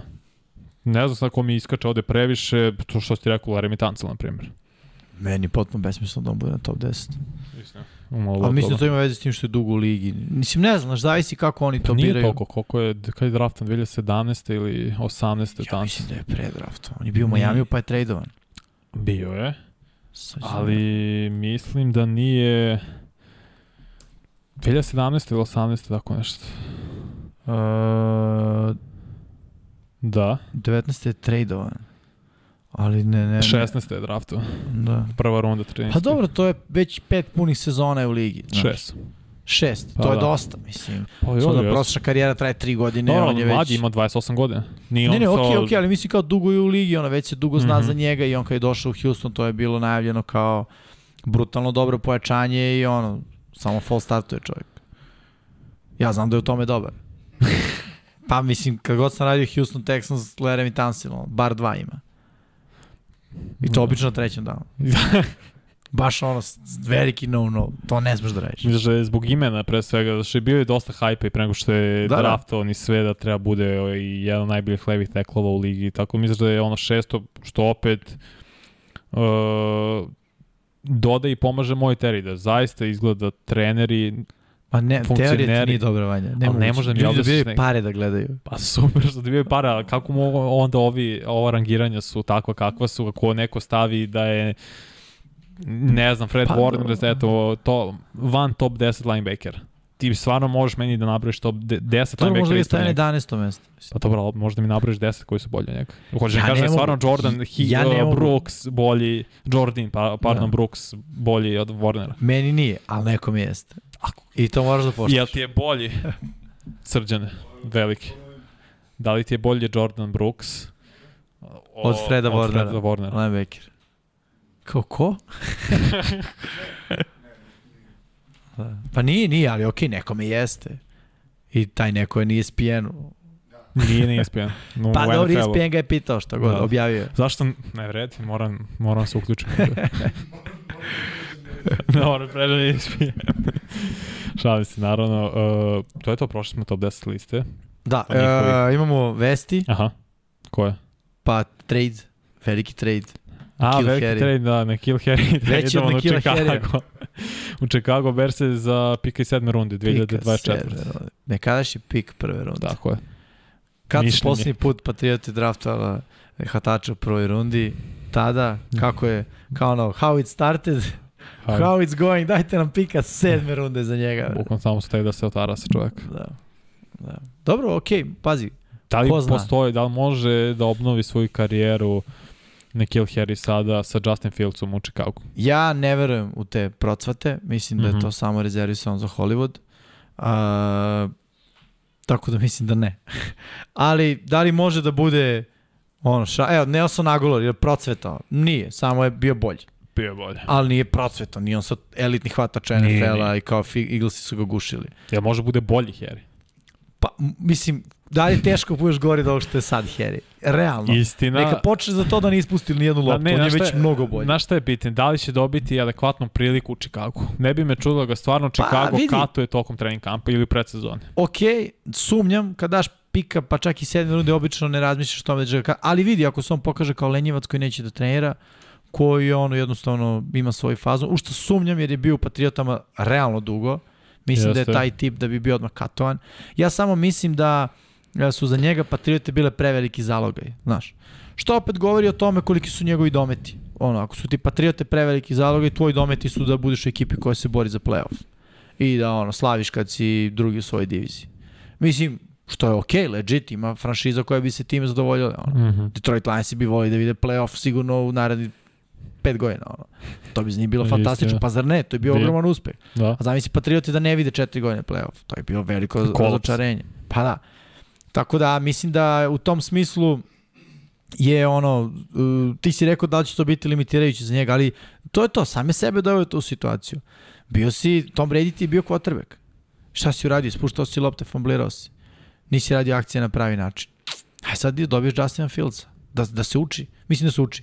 Da ono, se razvija u NFL-u, ti ćeš biti taj koji će na njegov loš rida kad dobiješ loptu da dobiješ kaznu fizičku, mislim.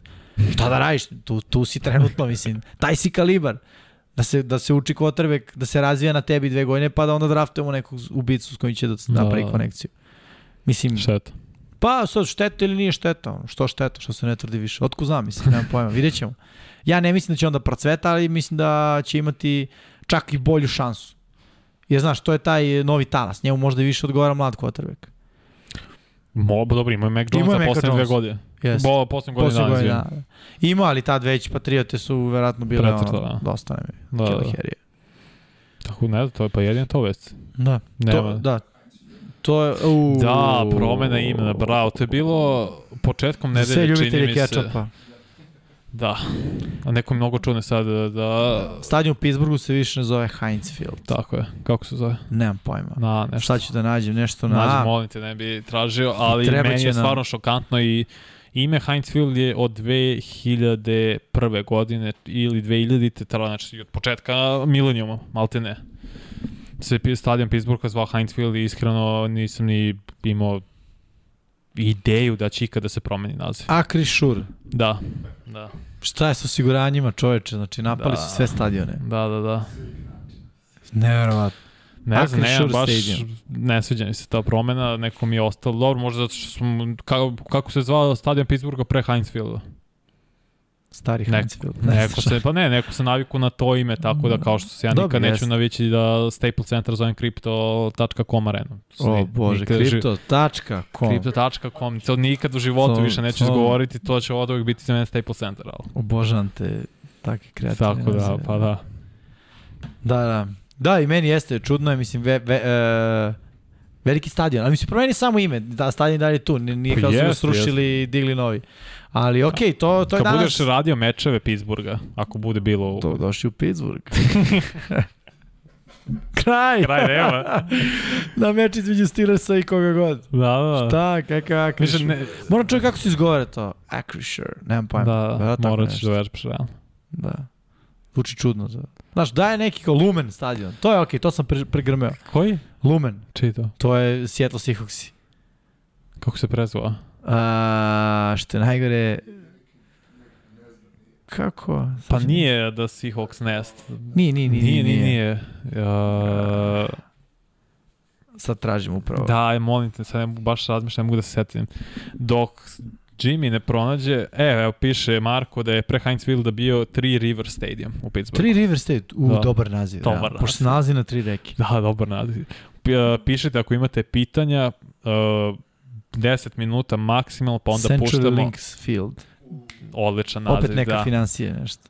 Ali ne vezali je dobro. Lumen Field je, ok, Lumen, ne možeš Neko Central Link Field mi je bio bolji. Nema neko glomljenje jezika. Kao što rekao, pišite pitanja, odgovarat ćemo narednih desetak minuta, ako budu bila, ako ne odmah ćemo pustiti veke, kaže, ja sam stvarno duševio intervju. Znači, da, da, da, da. Sa, stvarno je čovjek carina Jest. i No, Najcool kicker. Da, znači, ikada. nikad nisam zamišljao da je kicker tako cool lik i da, da. je toliko razume futbal. Ali kako, čućete, kako objašnjava zapravo celu uh, nauku iza šutiranja. Da. To je nevjerovatno. Da, još uh, prime sa svega onako fantastične, to što je Giorgio Italijan, mislim on je rođen u Italiji, ali od 9. Da. godine živi u Americi. Ali taj način kako on priča i kako ubacuje italijanske prideve, maestro, me, maestro kad kaže, meni je to... Da, da, Michelangelo. to je zaista fenomenalno. Ovaj, I zanimljiva mu je karijera kroz, kroz NFL. Iako eto nije imao baš puno prilike da bude e, starter, najveći trag da kažemo ostavio u Raidersima mm -hmm. i to mhm. kad su bili u Oaklandu i Atlanta Falconsi, ali mislim čućete i kasnije kada pri... imao je tu da kažem sreću, nesreću, kako već hoćete da nazovete, da je, kako on kaže, uvek od januara do septembra imao ekipu. Da, ima posao. Da, imao je posao 9 meseci godišnje, ali onda u septembru kat. Ovaj, I onda eventualno se... I težak je to to život. On, dosta se seljakao, dosta je išao iz, Jeste, iz grada u grad, mm -hmm. a mhm. opet kada pogledaš realno igraš kikera. U američkom futbolu. Znaš, nije kao da si quarterback, pa sad kao, ej, nova šansa, mediji, ovo, ne, ovde mediji pišu tebi samo kad si promašio, realno, uglavnom. Jest, pa da, Ili kad si pogodio poslednji. Ili kad si Justin Tucker, pa onda si Ili bog. kad si Justin Tucker, da. Da, Ali uglavnom da ne prepričavamo uh, intervju, mislim, poslušajte stvarno, pravo. ne traje čak ni dugo, Da. Đorđe nije imao previše uh, vremena, ovaj, pa smo onako uklopili sve u sat vremena. Ali bit će ponovo gost, stvarno izrazio Da, da, da, da. želju. Ova nedelja mu je bye week, sledeća nedelja igra protiv Istanbula, Jest. tako ono, prevratno ćemo tako kad bude bio playoff u ILF-u se Tako ponovo je. čuti. A i nakon što poslušate intervju, ja vas uh, ohrabrujem da ispratite i Barcelona uh, Drexe u LF, to je Dra a inače, čekaj, zašto Drags? pa kao, Dragons. pa Dragons Zmajevi. kao skraćeno, kao Drags, kao, nema pojma. Je. Tako su meni rekli, nemam pojma. Ko ti to rekao? Ha? Ko ti to rekao? Nemam pojma, tako ljudi govore. Ne znam, sad se nećem ko mi je tačno to, ne, rekao. ne, nećemo, to ćemo Dragons. posle šta to znači, ne, ne možeš, ne Barcelona možeš, Dragons. da mora Dobro, zmaj, ne, ne, ne, nemoj skraćaš. Zmajevi, Barcelona Zmajevi, ovaj, koji igraju u LFO. Bio je sjajan meč protiv Vijena Viking. Da. Stvarno je bio nevjerojatan meč da su vodili 28 pre četvr, četvrtine i izgubili su 27-20. da ne, odličan meč. Da, Odličan, odličan meč i ovaj, to nam Đorđe nije puno pričao, či to smo pričali pre nego što smo upalili kameru. pričali, da, pre, pre nego što smo upalili recording, ali stvarno gledao sam posle highlightove meč i nevjerovatno i vidio se nivo igre u ILF-u je baš na jednom poprilično višem nivou nego ostatak američkog futbola u Evropi. Istina, istina. Ili imamo neka pitanja? Nema pitanja za sada, tako mislim da su stvarno spremni za intervju. Ajmo. Hoćeš da najaviš i, i da nas odjaviš. Ah, ajde da kažemo onda. Znači, sada sledi intervju sa Đorđem Tavekijom, nekadašnjim uh, kikerom u NFL-u, uh, sadašnjim kikerom u LFO, a što se, uh, ostanite i poslušajte zaista, kao što smo već rekli, odličan je uh, intervju, jeste na engleskom, ali eto, imajte onako strpljenja, nismo koristili nikakve teške izraze, tako da mislim... italijanski gestikulacije. Tako, koristi. dosta toga gestikulacija. ovaj, a što se nas tiče, mi ćemo sad da se odjavimo, tako da lajkujte, subscribeujte se na naš kanal ako do sad to niste. Naravno, ukoliko Prešli smo 18.000 subscribera. Idemo... Ovo je malo, malo po malo, do kraja godine preko 20 sigurno, Vidjet ćemo, oko 25. vidjet ćemo. Ali definitivno mislim da i svi vi znate da tek sada kada krene avgust, druga polovina, kada mm. -hmm. budu i učestalije vesti i pre, i pre-season i sve, ta ćemo da se onako svi uh, družimo. Spremamo jedan intervju intenzivno. za početku avgusta. Pa spremamo, da, spremamo intervju, uh, popunit ćemo i mi to vreme, znate da smo mi vredni da se trudimo da, da vam pružimo najbolji mogući sadržaj što se tiče američkog futbala. Uh, stoga ovaj intervju na engleskom je pričamo sa ljudima i to nam je sada cilj da pričamo sa ljudima koji Tako su je. ili sada u NFL-u ili su nedavno bili u NFL-u jer želimo da vam približimo to iskustvo, a i krajnji liniji da mi saznamo nešto novo. Meni je zaista bilo jako, jako lepo slušati i razgovarati sa, sa Đorđom Tavekijom i jedva čekam taj veliki, veliki intervju ovaj, koji, što kaže Vanja, spremamo da, da ovaj, udra, u, u, odradimo i da ga pustimo, a vi, kao što rekoh, lajkujte, subscribeujte, šerujte, Kako šta ima još Vanja? Da vidiš to je To da. je to. I mi vas pozdravljamo, a vi poslušajte intervju Đorđe Tavekija. Dobar dan, dobrodošli u 99 Yardi, izdanje 88 i danas imamo toliko posebnog gosta s nama, bivšeg NFL igrača i sa time, za, zbog toga zapravo ćemo nastaviti na engleskom, pre, pre svega Jimmy, kako si? E, Ja sam odlično, a bit ću još bolje kada počnemo da pričamo sa našim gostom. Da, odmah ćemo onda krenuti. So, as I said, we'll continue in English. First of all, uh, our guest, a very special guest, is a former NFL kicker, Giorgio Tavecchio. Giorgio, dari il benvenuto, come va? Dobro veče. Ciao. Oh. Doing well. Thank you. Happy to be here. Nice, nice, so good. Yeah, See, th- I, um, uh, I spoke in Italian, he spoke in Serbian, so it's all good Perfect. So I, I'm the intruder here. I can only speak English, and so and so yeah. So yeah, Giorgio. First of all, thank you, thank you for uh, joining our our podcast, and thank you for doing this. Uh, so yeah, right now you're in Barcelona, right? You play for the EFL, ELF team called uh, Barcelona Drax. So yeah, tell us how did that happen? It was a wild ride, like most of my football journey has been. I was during COVID. I was spending a lot of time in Italy, um, dating a woman, matters of the heart. I was living here, and although I have a lot of family here in Italy, I, I spent a lot of time in the United States. Obviously, when I moved there, uh, when I turned nine. But after meeting this woman, I've been spending a lot of time in Italy, and it's uh, living in a town called Saronno, which is just outside uh, Milano, just north of Milan. So I had some friends who were on the Milano Seaman. I reached out to them in the spring of 2021 last year, and I said, "Guys, I'm going to be living in Saronno. Is there any way I can come play with you guys, practice with you guys?" And they were kind enough to, to invite me to have me a part of the team. So I was playing with them. It was a it was a blast. And then towards the end of the domestic season in Italy, I had heard about the European League of Football. I heard about this new startup league that had purchased the naming rights to the old NFL Europe teams, and there was a team in Barcelona. So I started to follow the league. It looked like it was a legit production, uh, professionally organized, professionally structured. So I reached out to the team in Barcelona, who had uh, general manager from Italy. That's why I chose Barcelona because I thought, well, this guy's Italian. He might know a little bit about my story. And uh, talked to Bart Iacarino. He was kind enough to say, you know what, we could use a kicker. If you want to come over, come on down. So within a couple days, I had a flight, flew out to Barcelona, and very grateful that I did because it's been a very positive experience for me so far on a lot of different levels. And I know we'll get into some of that, but that's how it happened. Just kind of randomly. I was living in Europe and just happened to be at the right place at the right time. So I think when you say uh, with all your experience that you know the, the ELF uh, so far has been good experience for you. And you played you know in the NFL was in the in the played at the college level. Uh, I think it's it's really telling something. And we all hope it's gonna be you know what we expect uh, the ELF to to be. But yeah uh, uh, you said like when you were nine you moved to the United States. So you were born in Italy right? So you were genuine Italian right?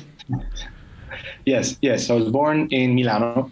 My mom is Italian American my dad's Italian, and my dad always tells the the story that he fell asleep as a bachelor in Milan and woke up with two kids in America the next day. It just happened randomly like that. But I grew up with both cultures in the house. My mom, again, being Italian, I had Italian background from her as well. But um, she's very, she's born in New York, very staunchly New Yorker. Um, and when we got the opportunity to move back to the United States, we thought it was a good opportunity for the family because my mom's job. So we moved to the U.S., moved to California, and we liked it so much in the San Francisco Bay Area. We lived about half an hour outside of San Francisco, and we liked it so much that we thought, you know, this could be a good place for us.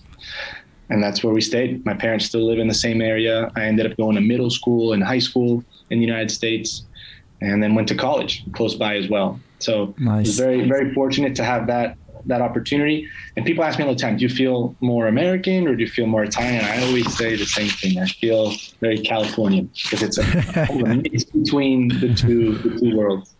That's a great answer. Uh, let's start actually from your college playing days. So you, you, I heard that you got in soccer scholarship from uh, University of California Davis, but you mm-hmm. turned that down because they, they didn't offer a football scholarship. So how was that like? How did you choose between the University of California that you did go and refused to mm-hmm. go to the University of California Davis?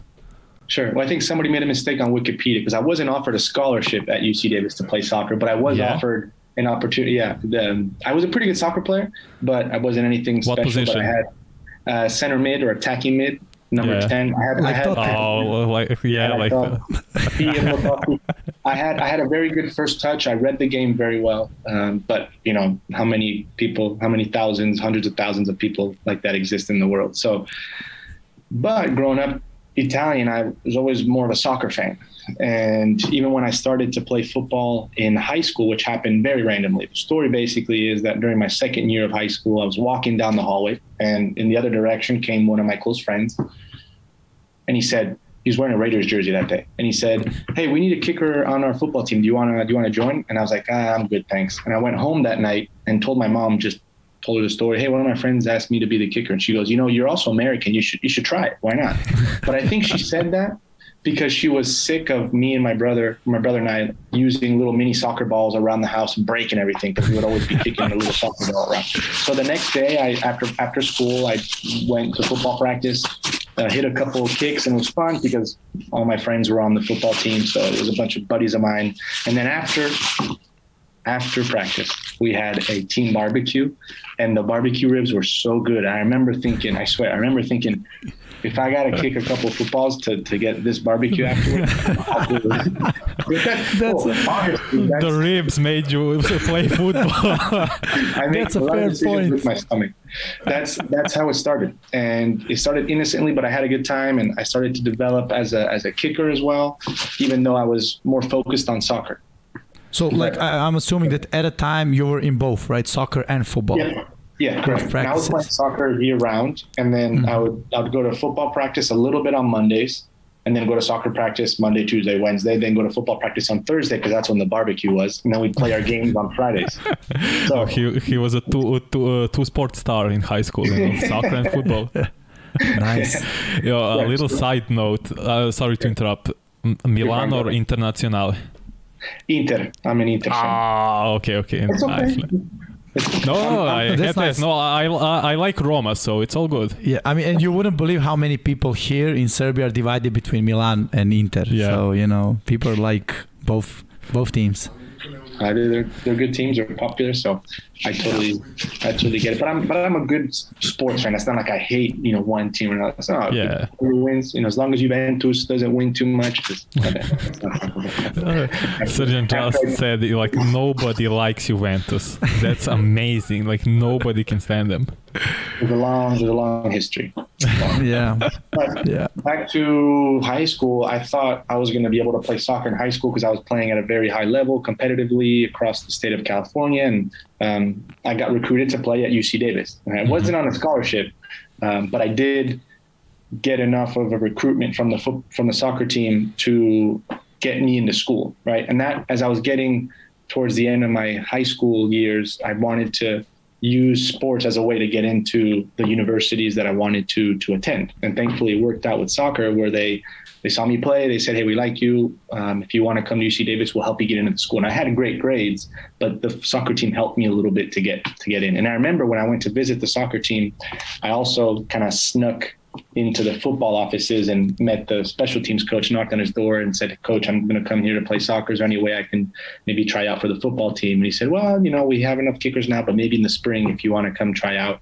So I thought maybe, you know, I could keep that two sport action going, but it was more for soccer. And then I remember uh, UC Berkeley, Cal Berkeley, mm-hmm. out of nowhere called me May 28th 4:01 p.m. So 16:01 p.m. and that's a week or two before I graduated high school. That is tremendously late in the process. Usually, you yeah. decide when you're going to go to school November or the fall before you graduate in the spring. This was a week or two before graduating, and I had attended a um, kicking camp at Cal Berkeley in the summertime before my senior year because it was 20 minutes from my house. It was a big time college football program, and I just wanted to improve as a kicker. And I, I did well, but I was, I, I, you could tell I was a little underdeveloped, right? Other kickers were there, like full time kickers. They were really serious. They had a lot of technique. I just had raw potential. But I guess they remembered my curly hair, my short soccer shorts, and they kept me in mind for some reason. And at the last minute, when they realized they had one extra spot on the on the college team for a kicker, they said, "You know what? We'll we'll offer this guy again the same thing that UC Davis offered me, which was a chance to get into school and then just kind of try out for the team when you get there." Um, it's called a, a walk on, essentially preferred walk on. So I thought about it, prayed about it for a day. I was like, I can't pass up Cal football, which is Division One, highest level football. Yeah. It's just an opportunity that I couldn't, I couldn't pass up. So I decided, sure, let's let's give it a shot. And that's that's how I showed up at Cal. Really, the first day of school was my first practice. I ended up playing three days later. Had no business being on the field that early, but I ended up playing a lot over four years, and it was an absolute blessing because it gave me a lot of opportunities for growth. Well, you were, uh, as you said, for four years, but the first year, I want to know, you did have to battle like two other kickers. How was that experience? And in general, your first year, we heard uh, other guests telling us that the first year was actually like living hell. The the practices were so hard, so difficult to adjust. But after that, it was much easier. The third, uh, the second, third, and fourth year. How was your first year for you? Yeah, it's definitely an adjustment period because you know, in high school you play with your friends and it's fun and it's still it's serious enough because you might think you can play in college but then you get to college and it's a machine and you're just plugged into this machine. You have no voice and whatever the coach says is the word of God. And you're getting up at 5 a.m. to go run until you puke and then you go to school all day and you come back for practice in the afternoon.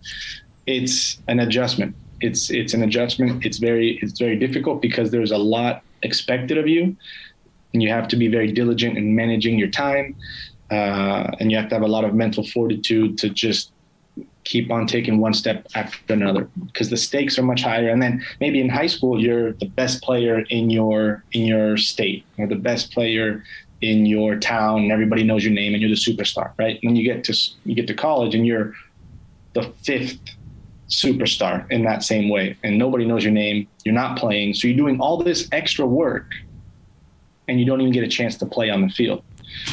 And that was very that, that's very difficult for a lot of guys because at least if you play on the field, you get the chance to feel rewarded for your efforts. And when you have to wait and be patient behind, you know, two or three other stars for a couple years, investing the same amount of time as they do, maybe more, it's very difficult to manage psychologically. Yeah, emotionally. Very few. Ve- I'm sorry to interrupt. Very few true freshmen actually can play the first year.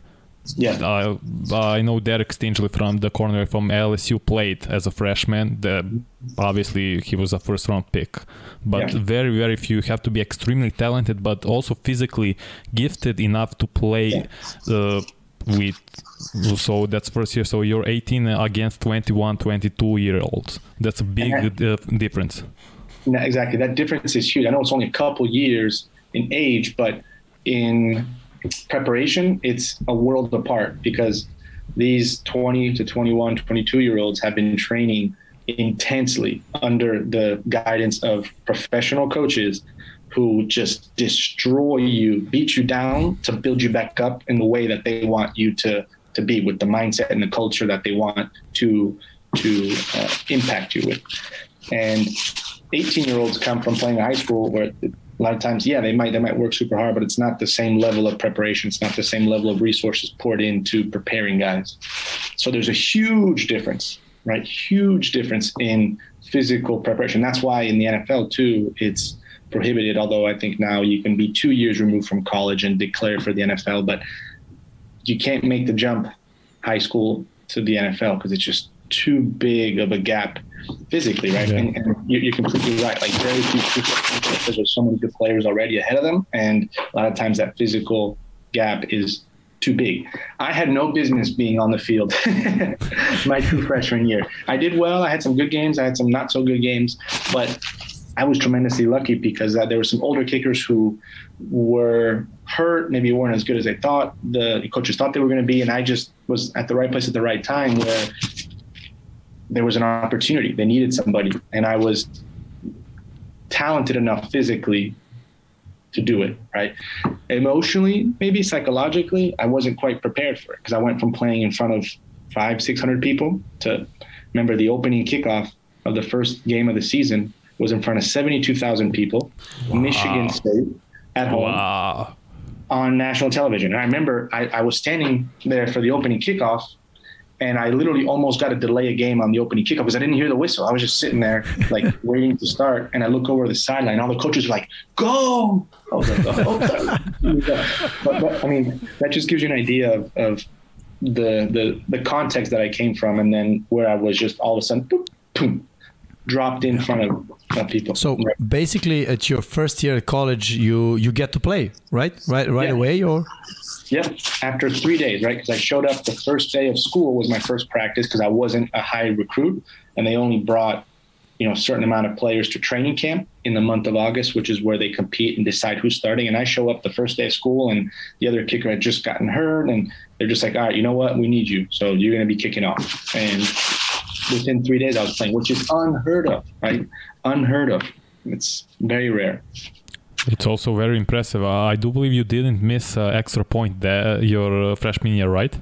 No, didn't miss any extra points. I was pretty decent on field goals, um, but it was it was very psychologically stressful, right? Because I went again playing for fun, playing for some barbecue ribs after practice to grown men whose jobs are to make us win, right? The coaches and players who wanted to make it. It's like such a just world apart in stage and scope.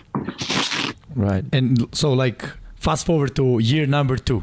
So, uh, how was it compared to year number one? Was it like easier? Was it the same? You know, now you're already familiar with uh, the stadium, the fans, what is ex- what is expected from you, the coaches, and everything. So, how was year number two for you compared to year number one? And one more thing, uh, in year two, how was your competition? Did you have, let's say, like four kickers competing, or did they say, okay, this is our guy, you know, we're gonna go with Giorgio no matter what? so year two was different because of the competition. Uh, I was a walk-on, so I wasn't on scholarship my freshman year, and after my freshman year, I did a good job, but I don't think I gave enough confidence to the coaches, and they actually scholarshiped a kid out of high school behind me, which is usually the death toll or like or the, yeah. the death bell for somebody saying, "All right, well, we're not giving you the scholarship; we're giving someone younger than you the scholarship," which basically means, you know, you're you're kind of off the table. This guy's going to be our guy. We believe in him, which is why we're giving him scholarship. And this guy was Vincenzo D'Amato. His story was exactly the same as mine. Born in Sicily, born in Palermo, moved to the uh-huh. United States when he was nine or 10, moved to Los Angeles. Played soccer throughout high school, happened to start kicking footballs in high school and got really good and got recruited to Cal. And we, we competed for the starting spot in training camp. We both kicked super well. They ended up deciding he would do field goals, I would do kickoffs. But then a couple games in, he got hurt. So I ended up playing for most of the year anyways, um, although he came in a little bit at the end. And although we competed for the starting spot on the field, we became the best of friends off the field because it had to be like that. Yeah, it had to be like that. We were we were came from the same culture, same background, and for us, football was just a plus, right? We were just so grateful to be at Cal Berkeley, and we didn't want to live a, a bad experience. So we, I remember one of the first, you know, after a week or two of him being there, we just sat down and said, listen, here, here's how we're going to do this. We're going to, you know, you're going to do your best. I'm going to do my best and whatever happens on the field happens on the field, but I don't want there to be any problems with us personally because we're getting along great. And that's how we lived our competition. And we ended up becoming best friends. He's still, I consider him still my best friend now. Um, after was that 14, 15 years. So wow. very grateful that he came into my life in that way. Although at the time I was a little bit, dis- you know, it was, it was, a bummer because I felt like, man, I, I, played pretty well freshman year. You know, other guys are on scholarship. I'm producing. I'm doing great in the classroom. I'm doing well on the field. Like, why, why are they passing me over? why are, why are they writing me off? Um, but yeah. Uh, that, that was my sophomore year. Yeah. Okay, and then like uh, I, I, I was always always wondering, you know, uh, is there like a point in time when you, uh, in your case, you know, you you said like, hey, I had a chance of you know going pro. I this might be you know something I'll do for living, and mm-hmm. it's better you know I get serious with this. Uh, I get mm-hmm. prepared because you know the next thing for me is the NFL. Did did you had that moment, and if you did, you know when was it? Sure. I actually never had that moment specifically until after my senior season. And it was something that, because I had a solid junior year, but I missed a couple like late game kicks that just made, left a bitter taste in my mouth. So going into my senior year, my goal was to just be as present as possible and stay as focused in the moment that I was living as possible because I wanted to live the full experience.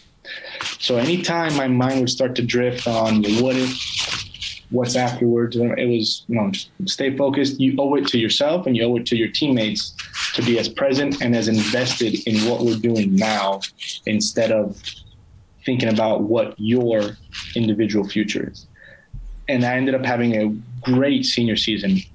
Just I statistically was one of the best kickers in college football, did awesome. And it wasn't until after that season ended in uh, late 2011 that I thought, okay, I still have four months of college left because I was finishing my degree. Um, I was working an internship and I was working part time and then I was training for football. So I had kind of four or five forks in the road. And that's when I started to think, let me just invest another six months in football just to keep myself ready in case in case something happens. Um, and that's when I started to think a little bit more about a potential future in, in the NFL. But it was very much let's do six more months keep training, see how it goes, and make a decision at, in in the summer with what to do with my life. Was there any like indication from the from the NFL scouts or for you or from your coach that there will be a sh- chance for you to get drafted or signed or anything like that? Absolutely not. Absolutely not, because I was a left-footed kicker playing in the Pac-10. Mm-hmm. You know, there's a bit of an East Coast bias when it comes to college football. They tend to follow yeah. the SEC, East Coast schools a little bit more. And I just wasn't really on many people's radars. I didn't get invited to any of the uh, Senior Bowl games, the East and West Shrine mm-hmm. game, mm-hmm. the Senior Bowl, the NFLPA Bowl wasn't on anybody's radar, even though I had a great season and was kicking really well. But what ended up happening, and I got again super lucky. I think it was divine intervention in that NFL teams run local pro days for the graduating seniors in the colleges in their area. And obviously, I was at Cal Berkeley, so I was close to the Oakland Raiders and San Francisco 49ers. I don't even think I was officially invited. I, I, I never received an official invitation to the 49ers. I'll say that to the to the 49ers Open Pro Day, but a couple of my teammates did. So I just said, you know what, I'll, I'll just I'll drive with you guys. I'll pay gas, whatever. We'll go down there and, and, and, and see. And then in the end, I was actually on their list. So just no one, no one communicated to me. And I, I had a, you know, we did a tryout. I was the only kicker there and they were looking specifically for a left-footed camp leg, which I'll get to what that means in a second, because they had at the time David Akers, left-footed kicker, coming yeah. off a Pro Bowl year, wonderful, just awesome kicker, and they were looking for someone just to kind of make sure he didn't overkick in the summertime and just kind of take a look at someone to be his understudy, right? To be his camp leg, which is what what, what that means basically. So I was at the right place at the right time. They were looking for a lefty camp leg, and I had a great tryout. So the then special teams coach, his name is Brad Seely, told me after the tryout, he said, "Hey, you know, I thought you did great. Um, if nobody drafts you, we'll we'll probably sign you." And he said it in that same tone, matter of fact. And I was like, "Okay, cool. You know, talk is cheap. We'll see if anything happens." And then when draft day came around, he started to call me and say, "Hey, just checking in if anybody's thinking about drafting you. I just wanted to know. Uh, we're still thinking about signing you as an undrafted free agent." And when the draft ended, phone rang again, Coach Seely, we're looking to sign you if you want to be an undrafted free. Just let us know. I said, sure, do it. So they sent over the contract. I brought it to my favorite cafe in Berkeley, signed it on my favorite table because it's a very special place for me. And that's, that's, that's literally how it how how it how it all worked out. Zero attention, zero notoriety. I did uh, I did my local pro day at my university because the university is also mm-hmm. run a pro day and it got basically rained out. It was pouring rain. The scouts stepped on the field after doing all the all the uh, trials in the weight room with everybody, and they stepped on the field, took a look at the rain, and left. I kicked anyways because in my mind I was like, I'm going to prepare for this. This is a special day for me. I'm going to kick regardless. So it was like a Shawshank Redemption in the pouring rain. ah, I kicked great, but nobody was watching, unfortunately. But, no, but you. It, Go ahead. No, you did you did that for yourself, but I want to know oh, that table at that cafe. You have to tell us the, the background story. Why is that your favorite ta- uh, table? How did that happen? So yeah, it's my favorite cafe first because, as I mentioned, my freshman year I wasn't on scholarship, but I played, and in college you, they kind of force you to live on campus. Freshman year, fine, I live on campus because um, you have a ton of time commitments and it's just the transition period. And In college, you're supposed to live on campus your freshman year. My sophomore year, I still wasn't on scholarship because I scholarship being changed so after me. And my parents were like, why would you live 20 minutes from home when you can live at home? And I thought, well, that's a good point. And it was, it was college in Berkeley was, I think, 10, 12 miles from my house. It was a 20 minute drive. So instead of living on campus, spending a lot of money for rent, I moved back home and lived at home, commuted to and from school. So when I so whenever I had a break in between classes or before practice, I couldn't just go back to my dorm room because I didn't have one. So I'd go to this cafe. It was free Wi-Fi, good coffee, and it was strategically located right on the corner on the edge of campus where a lot of people walk past, and it was just a perfect place to people watch, to do some homework. Mostly people watch, sometimes homework. So that became that's, that's that that's that European spirit in you, you know. just people watch. That's all we do here yeah. also. you know, just sit there, see, be seen, look around, do the crossword, make it you know, make it look like you're smart, like you know what it is, you know, you know what you're doing. And nice. but it, it was just it, it became a, a spot for me that was like my my refuge, my respite.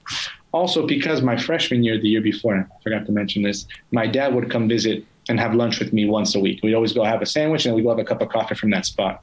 So that weekly visit was like a, a, a sense of stability in the crazy roller coaster of, you know, we're playing USC this week in front of 93,000 people at the LA Coliseum. It's like, Jesus, how we, you know, how, how am I going to manage this, you know, emotionally as an 18 year old kid coming from playing in front of 600 people? I got no idea what I'm doing on the field, you know? So that became, again, a source of refuge, a place of stability, of almost like safety for me. Wow. And that's, that's just, so awesome. Just, yeah, it remained that throughout my college experience. And that's why uh, I took my contract, my first contract, and signed it, signed it there on campus, on, on that bench in the in the little courtyard. Nice. That's awesome. Before we jump to the NFL, what was the biggest game of your college career? Attendance wise, importance wise, everything. Yeah, so I think it was that USC game my freshman year from in, in, in attendance. I think I'm pretty sure it was 93,000. That's what I remember wow. hearing over the loudspeaker. And it was at the at the LA Coliseum. We were a good team that year, and they ended up beating us 35 to three. Um, I made I made a field goal. I made a field goal. Thank God. But I remember just stepping on the field and there was like a double decker stadium right there.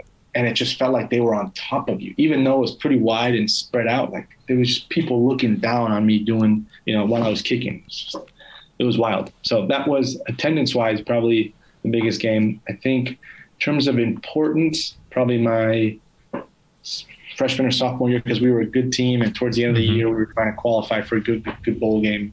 Um, I can't think of one game specifically that was like a big game. I just remember we played the next year, sophomore year, USC at home, and the stadium was so full you could only barely see the the walkways up the stadium. It's just like one mass of people all the way around the stadium. I thought that was like that was a moment, an atmosphere that struck me because it was twilight, there was a beautiful sky, and there was just a mass of people.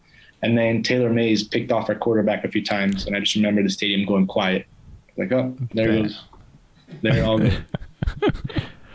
Uh, let's jump to the 49ers. So you you signed for the 49ers. Uh, I, I assume you had the rookie mini camp and all of that. How was that experience for you? It was eye opening as well because I didn't really know what to expect, and I had a similar mindset going into college, right? I don't even know why I'm here. it's kind of a surprise.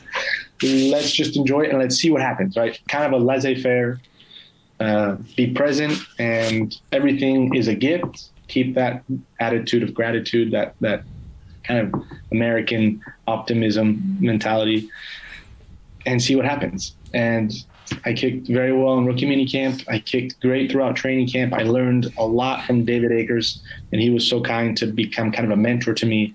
I think we connected also on a personal level because we have very similar personalities, and he went out of his way to make me feel welcome, comfortable, uh, taught me a lot, as I said, and he's still one of my mentors. Like I still chat with him somewhat regularly. I visited him in his place in Tennessee quite a few times. Um, and Jojo, so, just to mention, he's my all-time favorite kicker because I'm a Philadelphia Eagles fan. So yeah. And I remember in training camp, this is another story. We would use arena with uprights, so half the width of NFL uprights in training camp. And he, I, I rarely saw him miss. Rarely saw him miss. And I remember percentage-wise, he's probably in the mid 90s on the arena uprights. Like Amazing. It was so impressive. It was. There were days, I swear, and I wasn't just like kissing his butt. There were days where I was watching. And I was like, you were like Michelangelo, and the football is the paper, and the uprights are your chin. It's like this is this is beautiful. Awesome. It's beautiful, and that's you know. I fell in love with the art and the science of football. So for me, it was just like watching or of kicking, watching someone do their job so well and make it look so easy was just like maestro. Wow, it, it's just beautiful, beautiful to watch. And those are some of the things that I'll never forget because his get off times too from snap to kick were absurdly fast. So it's not like he's waiting, seeing the ball, timing it up. It's just literally a machine. Boom, boom, boom, boom, boom, like perfect kick, super straight, crosswind, headwind. He was just so masterful with yeah, doing I, it. I don't yeah. think people uh, truly appreciate and understand how hard kicking really is. I can confirm people really don't do it, especially here in Europe, because yeah. you know, um, not a lot of people actually here know uh, stuff about kicking, you know, and punting. Mm-hmm. It it seems just like you know when you play Madden, just pressing a button and that's it. Like you expect Even the guy to. Madden, it's hard. yeah, it's definitely hard. But I'm just saying, you know, it's just like it's just pressing a button, you know, like a power button, an accuracy button. That's it. You know, like how how hard can it be? But actually, it's it's very, and I think it's super hard. Whoever tried to kick a field goal once in practice and you know against no one just just the uprights know how hard it is especially for us here in europe because we're kind of um, you know used to kick on the ground you know in the goal yeah. and not over yeah. the goal post yeah yep yep it is it is it's something that the great ones like david akers make it look so easy and it's such a simple thing when you i mean if you look at it it's someone taking three steps two and a half steps and kicking a ball through the uprights. Like it's not, it doesn't seem complicated when you watch it. And the great ones make it look super easy. But then when you try to do it yourself, you realize how many variables, how many factors there are that contribute to the outcome, which are completely out of your control. And in games, you don't see the ball static. It's everything happens pretty much within the blink of an eye, and you're yeah. you're, on the edge of a knife with your livelihood at stake every time. And I tell people and yes. ask me, what is it? What does it feel like? And I tell them, well, next time you're driving on the highway, close your eyes for two seconds and see and see what that feels like. So it's dangerous. Disclaimer: Do not do this at home. But that, it, it, that it's it's a thrill. It's a thrill. It's a it's it's adrenaline because it's it's a paradox in that you have very little control but a lot of responsibility and everything happens very quickly, but you have to be incredibly precise. And it's like yeah. there's three people on one wavelength, and those three people are the snapper, the holder, and the kicker. And when it's done well, it's like uh, it's like someone playing the cello in a Metallica concert. Because everything else going on is violence, is chaos, and this is this beautiful symphony of snap, hold, kick, three parts in one happening in a very precise and almost completely detached manner, but within the context of complete chaos. Yeah. So now, when you when you said it, I, I actually wanted to to ask. That was like my, my, my one of my next questions. So like, if you have to share, you know, like the as you said, like it's a it's a three people involved mostly, right? So like, how much is up to kicker, like percentage wise, the holder and the snapper? I mean, obviously the kicker has you know the if you ask me the most difficult job. But i know that if a snap is bad then you could be the best kicker in the world you know. The snap is bad you gave the other guys a chance to get to you. If the hold is bad then you know your uh, motion as a kicker will be you know uh, messed up with and then you know you might not kick the perfect ball. So like yeah. if you have to just like you know share it in percentage wise how much is it you know between these three positions Sure. In my in my opinion, it's probably seventy five percent the hold. And if wow. the holder is very good, then it then it's maybe a little bit more on the kicker. But what the hold is very dependent on where the snap is, right? And obviously in NFL, the snappers are really good, the holders are really good, right? It's, it's a little bit of a different story in, in Europe. You can have the greatest kicker ever, but if you can't place the ball right, and literally the difference is this for me as a lefty, the ball has to be a little bit lean to my left. If it's here, I have a good chance of missing the kick. If it's here, I have a good chance of missing the kick. So it's a few degrees of difference that make meters of difference in the air. So that's where the hold is critical because if the holder's a little bit off and the kicker's got a strong leg, the ball can go anywhere. So I think uh, most of it is on the hold, which is very dependent on where the snap is.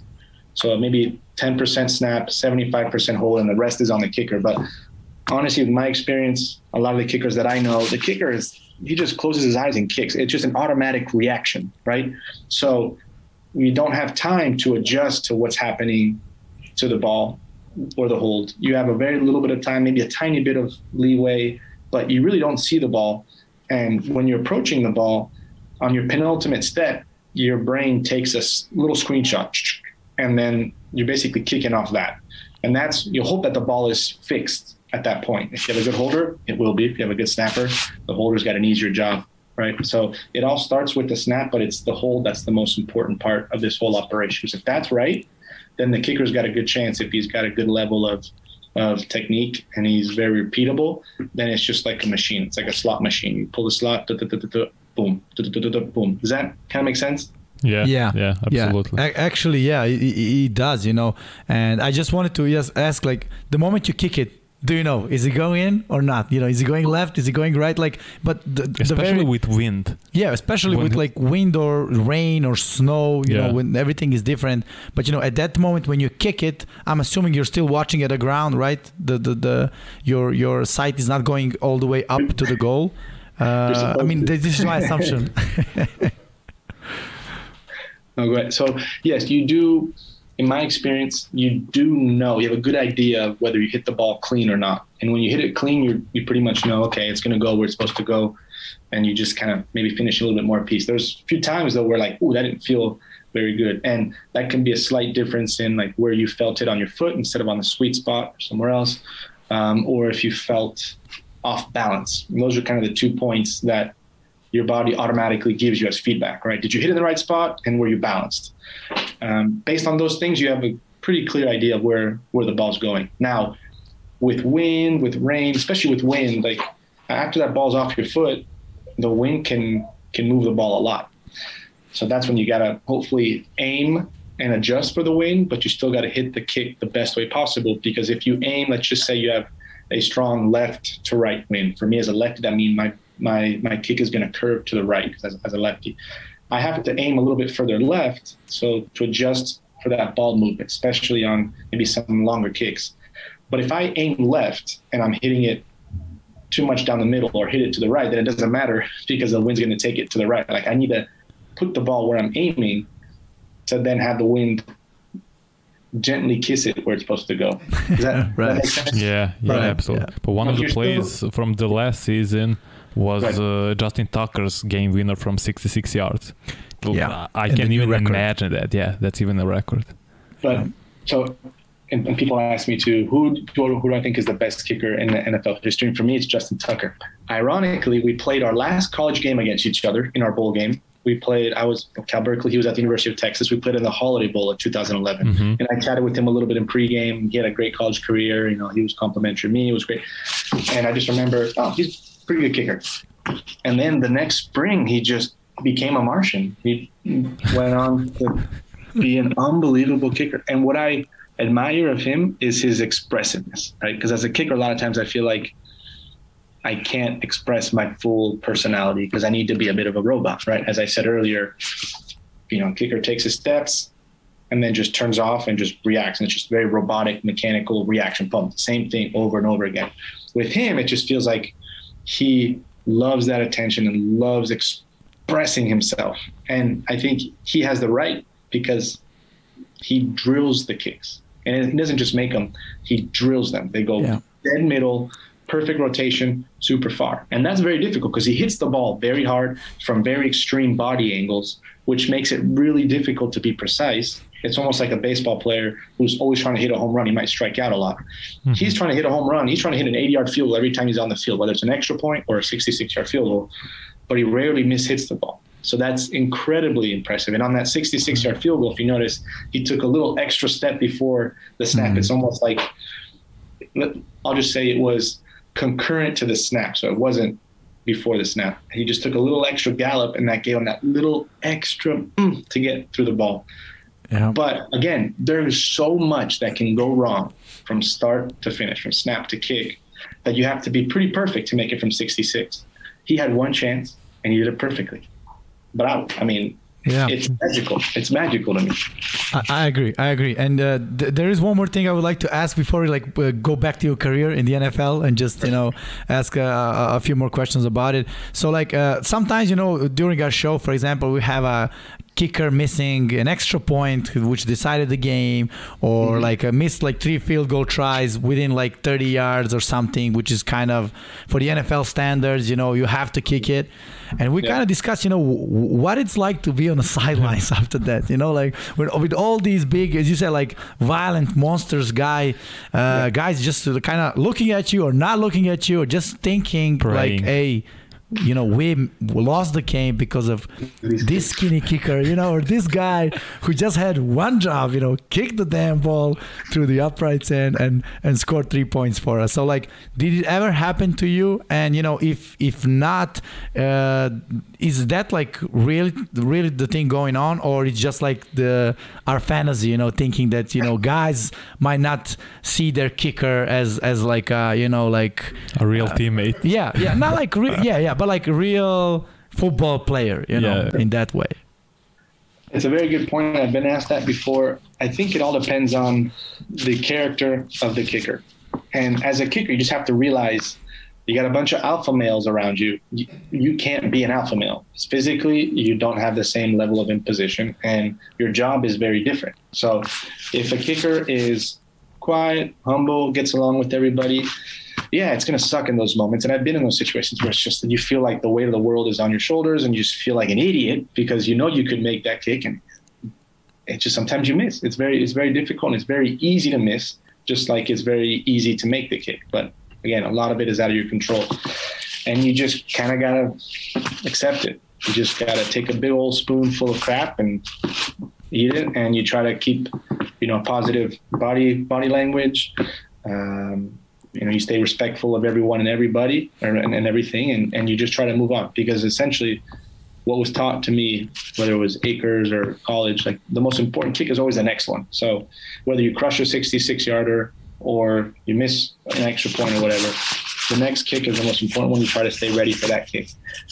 It does feel unfair sometimes that there's I don't know 200 plays in a game, and if you miss a field goal and you lose by a couple points, it's very easy, and it's almost like a, a cop out. It's it's a uh, intellectually easy answer to say, well, it's because that field goal at that moment. Yeah. It's just you're part of a long chain of events that you have no control over, and you step out in the field, you do your best. Sometimes it goes in, sometimes it doesn't that the reality of the game can be perverted to say, well, we lost because of this play or this kick.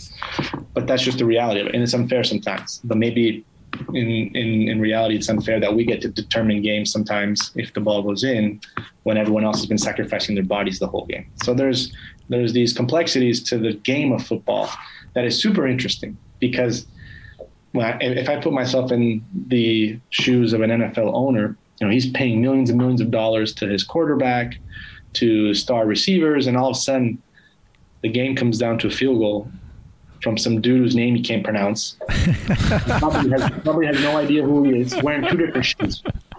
It's kind of interesting. That's why, Yeah, you know, the, I mean, you're completely right, Giorgio. To be to be honest, yes, completely right. And you know, in in you know, life of a kicker, like we saw a season where a team changed like three kickers during a season. They started with one, got injured, they signed another guy, didn't perform well. They signed the third guy. He was like so so, you know. And then at the end of the season, the third guy got cut as well, and then the first guy got cut because someone younger just came in who's not that prone to injury. And it's kind of as you said like when you put it and how many games are determined with, within a field goal like a lot right A lot. and like if you miss an extra point or a field goal try it can cost you a game if you miss in the second quarter first quarter third quarter we've seen so many games yeah. The Falcons kicker who, who uh, had four game winners this season.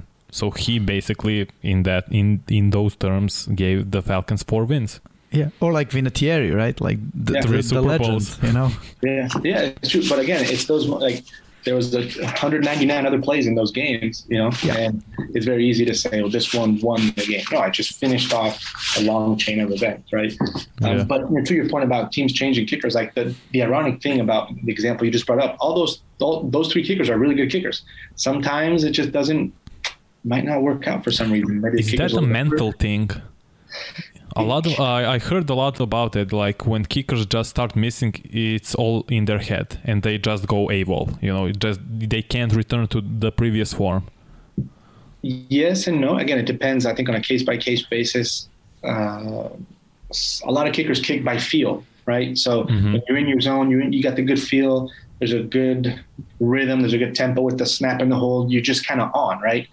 And when you don't feel that feeling, it feels like you can do whatever you you, you, can do anything in the world, and you just you still can't feel that feeling.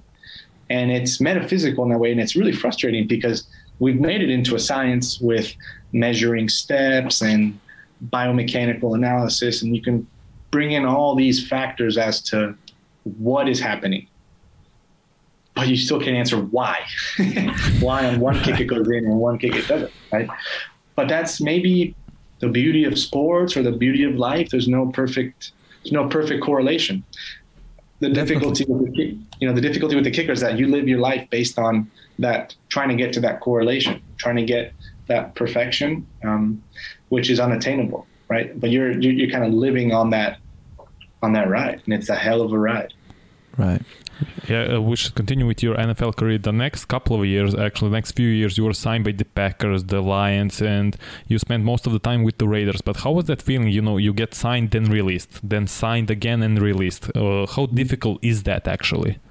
It's very difficult because no matter how hard you try to make it into pure business, right? Hey, yeah. they had a kicker, you know, that's been playing for them for 15 years. He's their all-time leading point scorer. They're not going to cut him um, just because I kicked really well, right? It's Is hard Janikowski for yeah, uh, the Raiders? Or, yeah. or, or Mason Crosby when I was in Green yeah. Bay. I kicked very, very, very well in Green Bay when I competed with Crosby, and he kicked well too. But to out or to, to, to replace someone like that, you probably have to be better than perfect, or it just has to be the right time, right? Uh, which kind of was the case with Oakland because uh, Seabass unfortunately just had some physical issues that he just couldn't recover from. Mm-hmm. It's hard though because it is a business decision, but it's hard not to take it personally when you invest so much of your time and energy and and your whole being into doing this one job really, really, really well because you love to do the job, you love to do it well, you just want the opportunity to keep doing it. And when you get cut, ah, it's, it's deflating. Now I had the good fortune of continuously getting re-signed, and maybe some other yeah. guys never had that had that good fortune, right? They had one training camp, they did great, but the next training camp they didn't get signed and they just stopped kicking. Difficult because there's so few spots.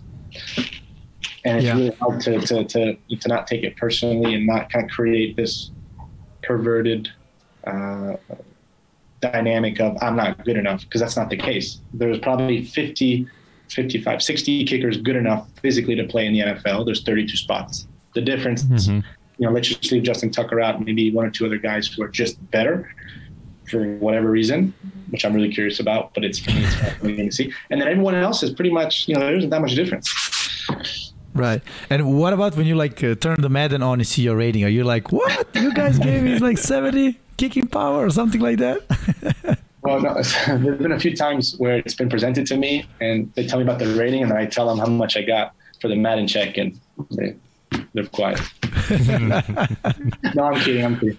But you know, it, it, it's cool to be on those those games and to have feel like you're not not immortalized because you're not, but just to you know to be doing something that is so commercialized uh, or that is so important in American culture that it's you know it's, it's very special. It's a privilege. It really is a privilege. Yeah, we know the reactions of, of the players that are in the 99 club. Like that's one, legit one of their lifetime dreams. I have to be a 99. Yeah. yeah. but yeah. still, it's so such amazing to see. Like you get the necklace and everything. Like oh, I'm a 99 player now. Yeah, you played. Uh, you spoke actually about Akers, what uh, type of a master he is at his position. But you played, as you said, uh, at with Packers, with the Lions, with the Raiders, and you obviously with the Packers there was Rodgers, with the Lions there there was Calvin Johnson. Did you have the uh, the time to see them actually practice and uh, how good are they at their craft? When you compare, you said that Akers was a maestro, but how are they at, at their positions? Uh, when it comes to other position players, there's guys that are born better, like uh, uh, Calvin Johnson. He's just big and really fast but then he works like he's undersized, right? Yep. So when you get to be around players like that, you realize like they have all the tools to just not try hard and just dominate anyways. And then they're so disciplined and dedicated in their training. And that's what, to me, gained the most respect.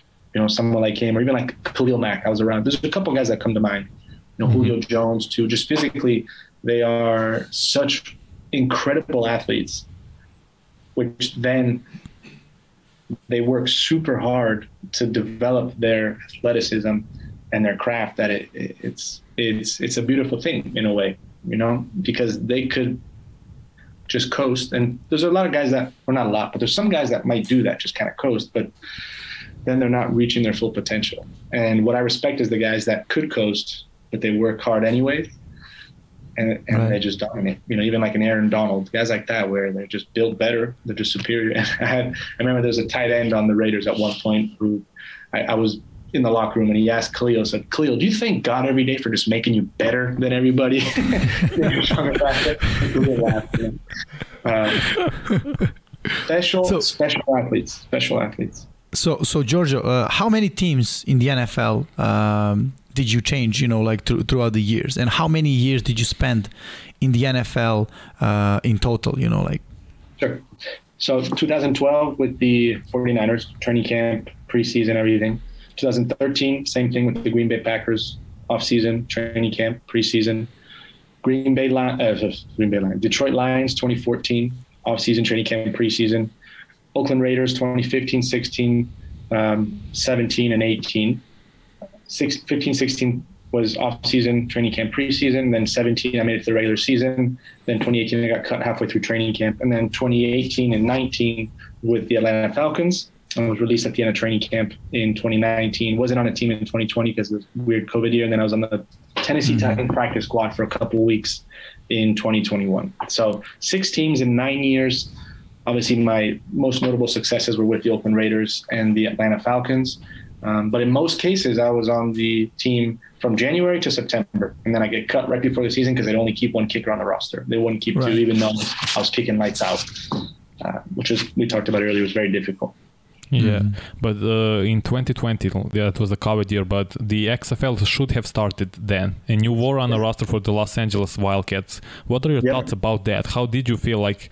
Uh, obviously you were uh, for sure excited of starting a new journey but what was that like it was a cool experience too because it was a chance to get back in games right as a kicker the best thing you can do is be playing in games because you, mm-hmm. can, you can really replicate the same stress um, I'm, maybe not call it stress excitement or game dynamics of standing around for four hours and kicking five times four times in practice. You have to be in a game, be in a team setting. So when they called me, I was super excited because I was in LA at the time, anyways and I thought, great, get back in the game, get back on the on the radar, right? That I'm playing in games and playing in front of people. I'm getting game film.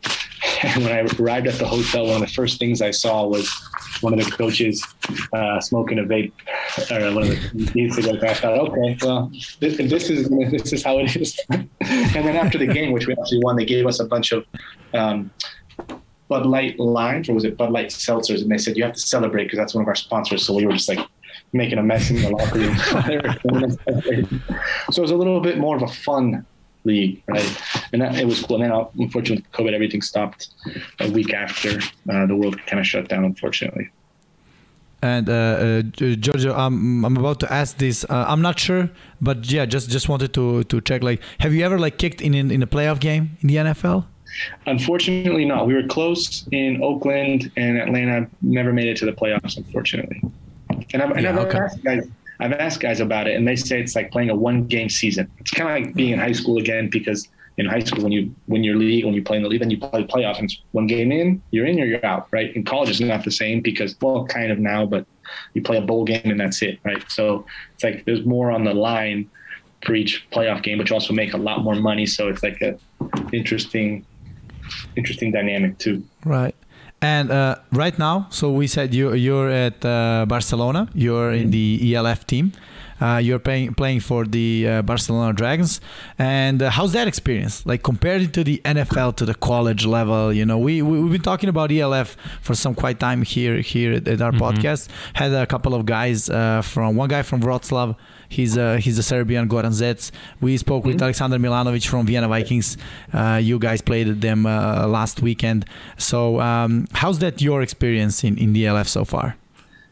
To me, it's been an absolute blessing, especially on a personal level, because it's allowed me to enjoy football a little bit more. Um, obviously, the stakes aren't quite as high in terms of money or stage or attention as the NFL, but that wasn't my aim in coming out to Europe.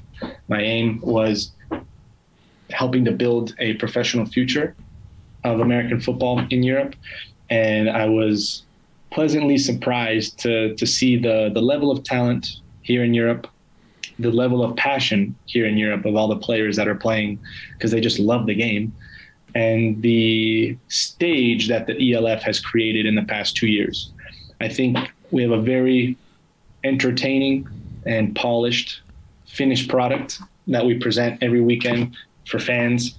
And that to me makes me optimistic for the future because when you have that entertainment value, right? Not just the game, but at the stadiums with the cheerleaders, the halftime show, all the all the accoutrements of of uh, of American football. to, in my mind, it suggests that there's an opportunity to, to keep this to make this really a serious professional league.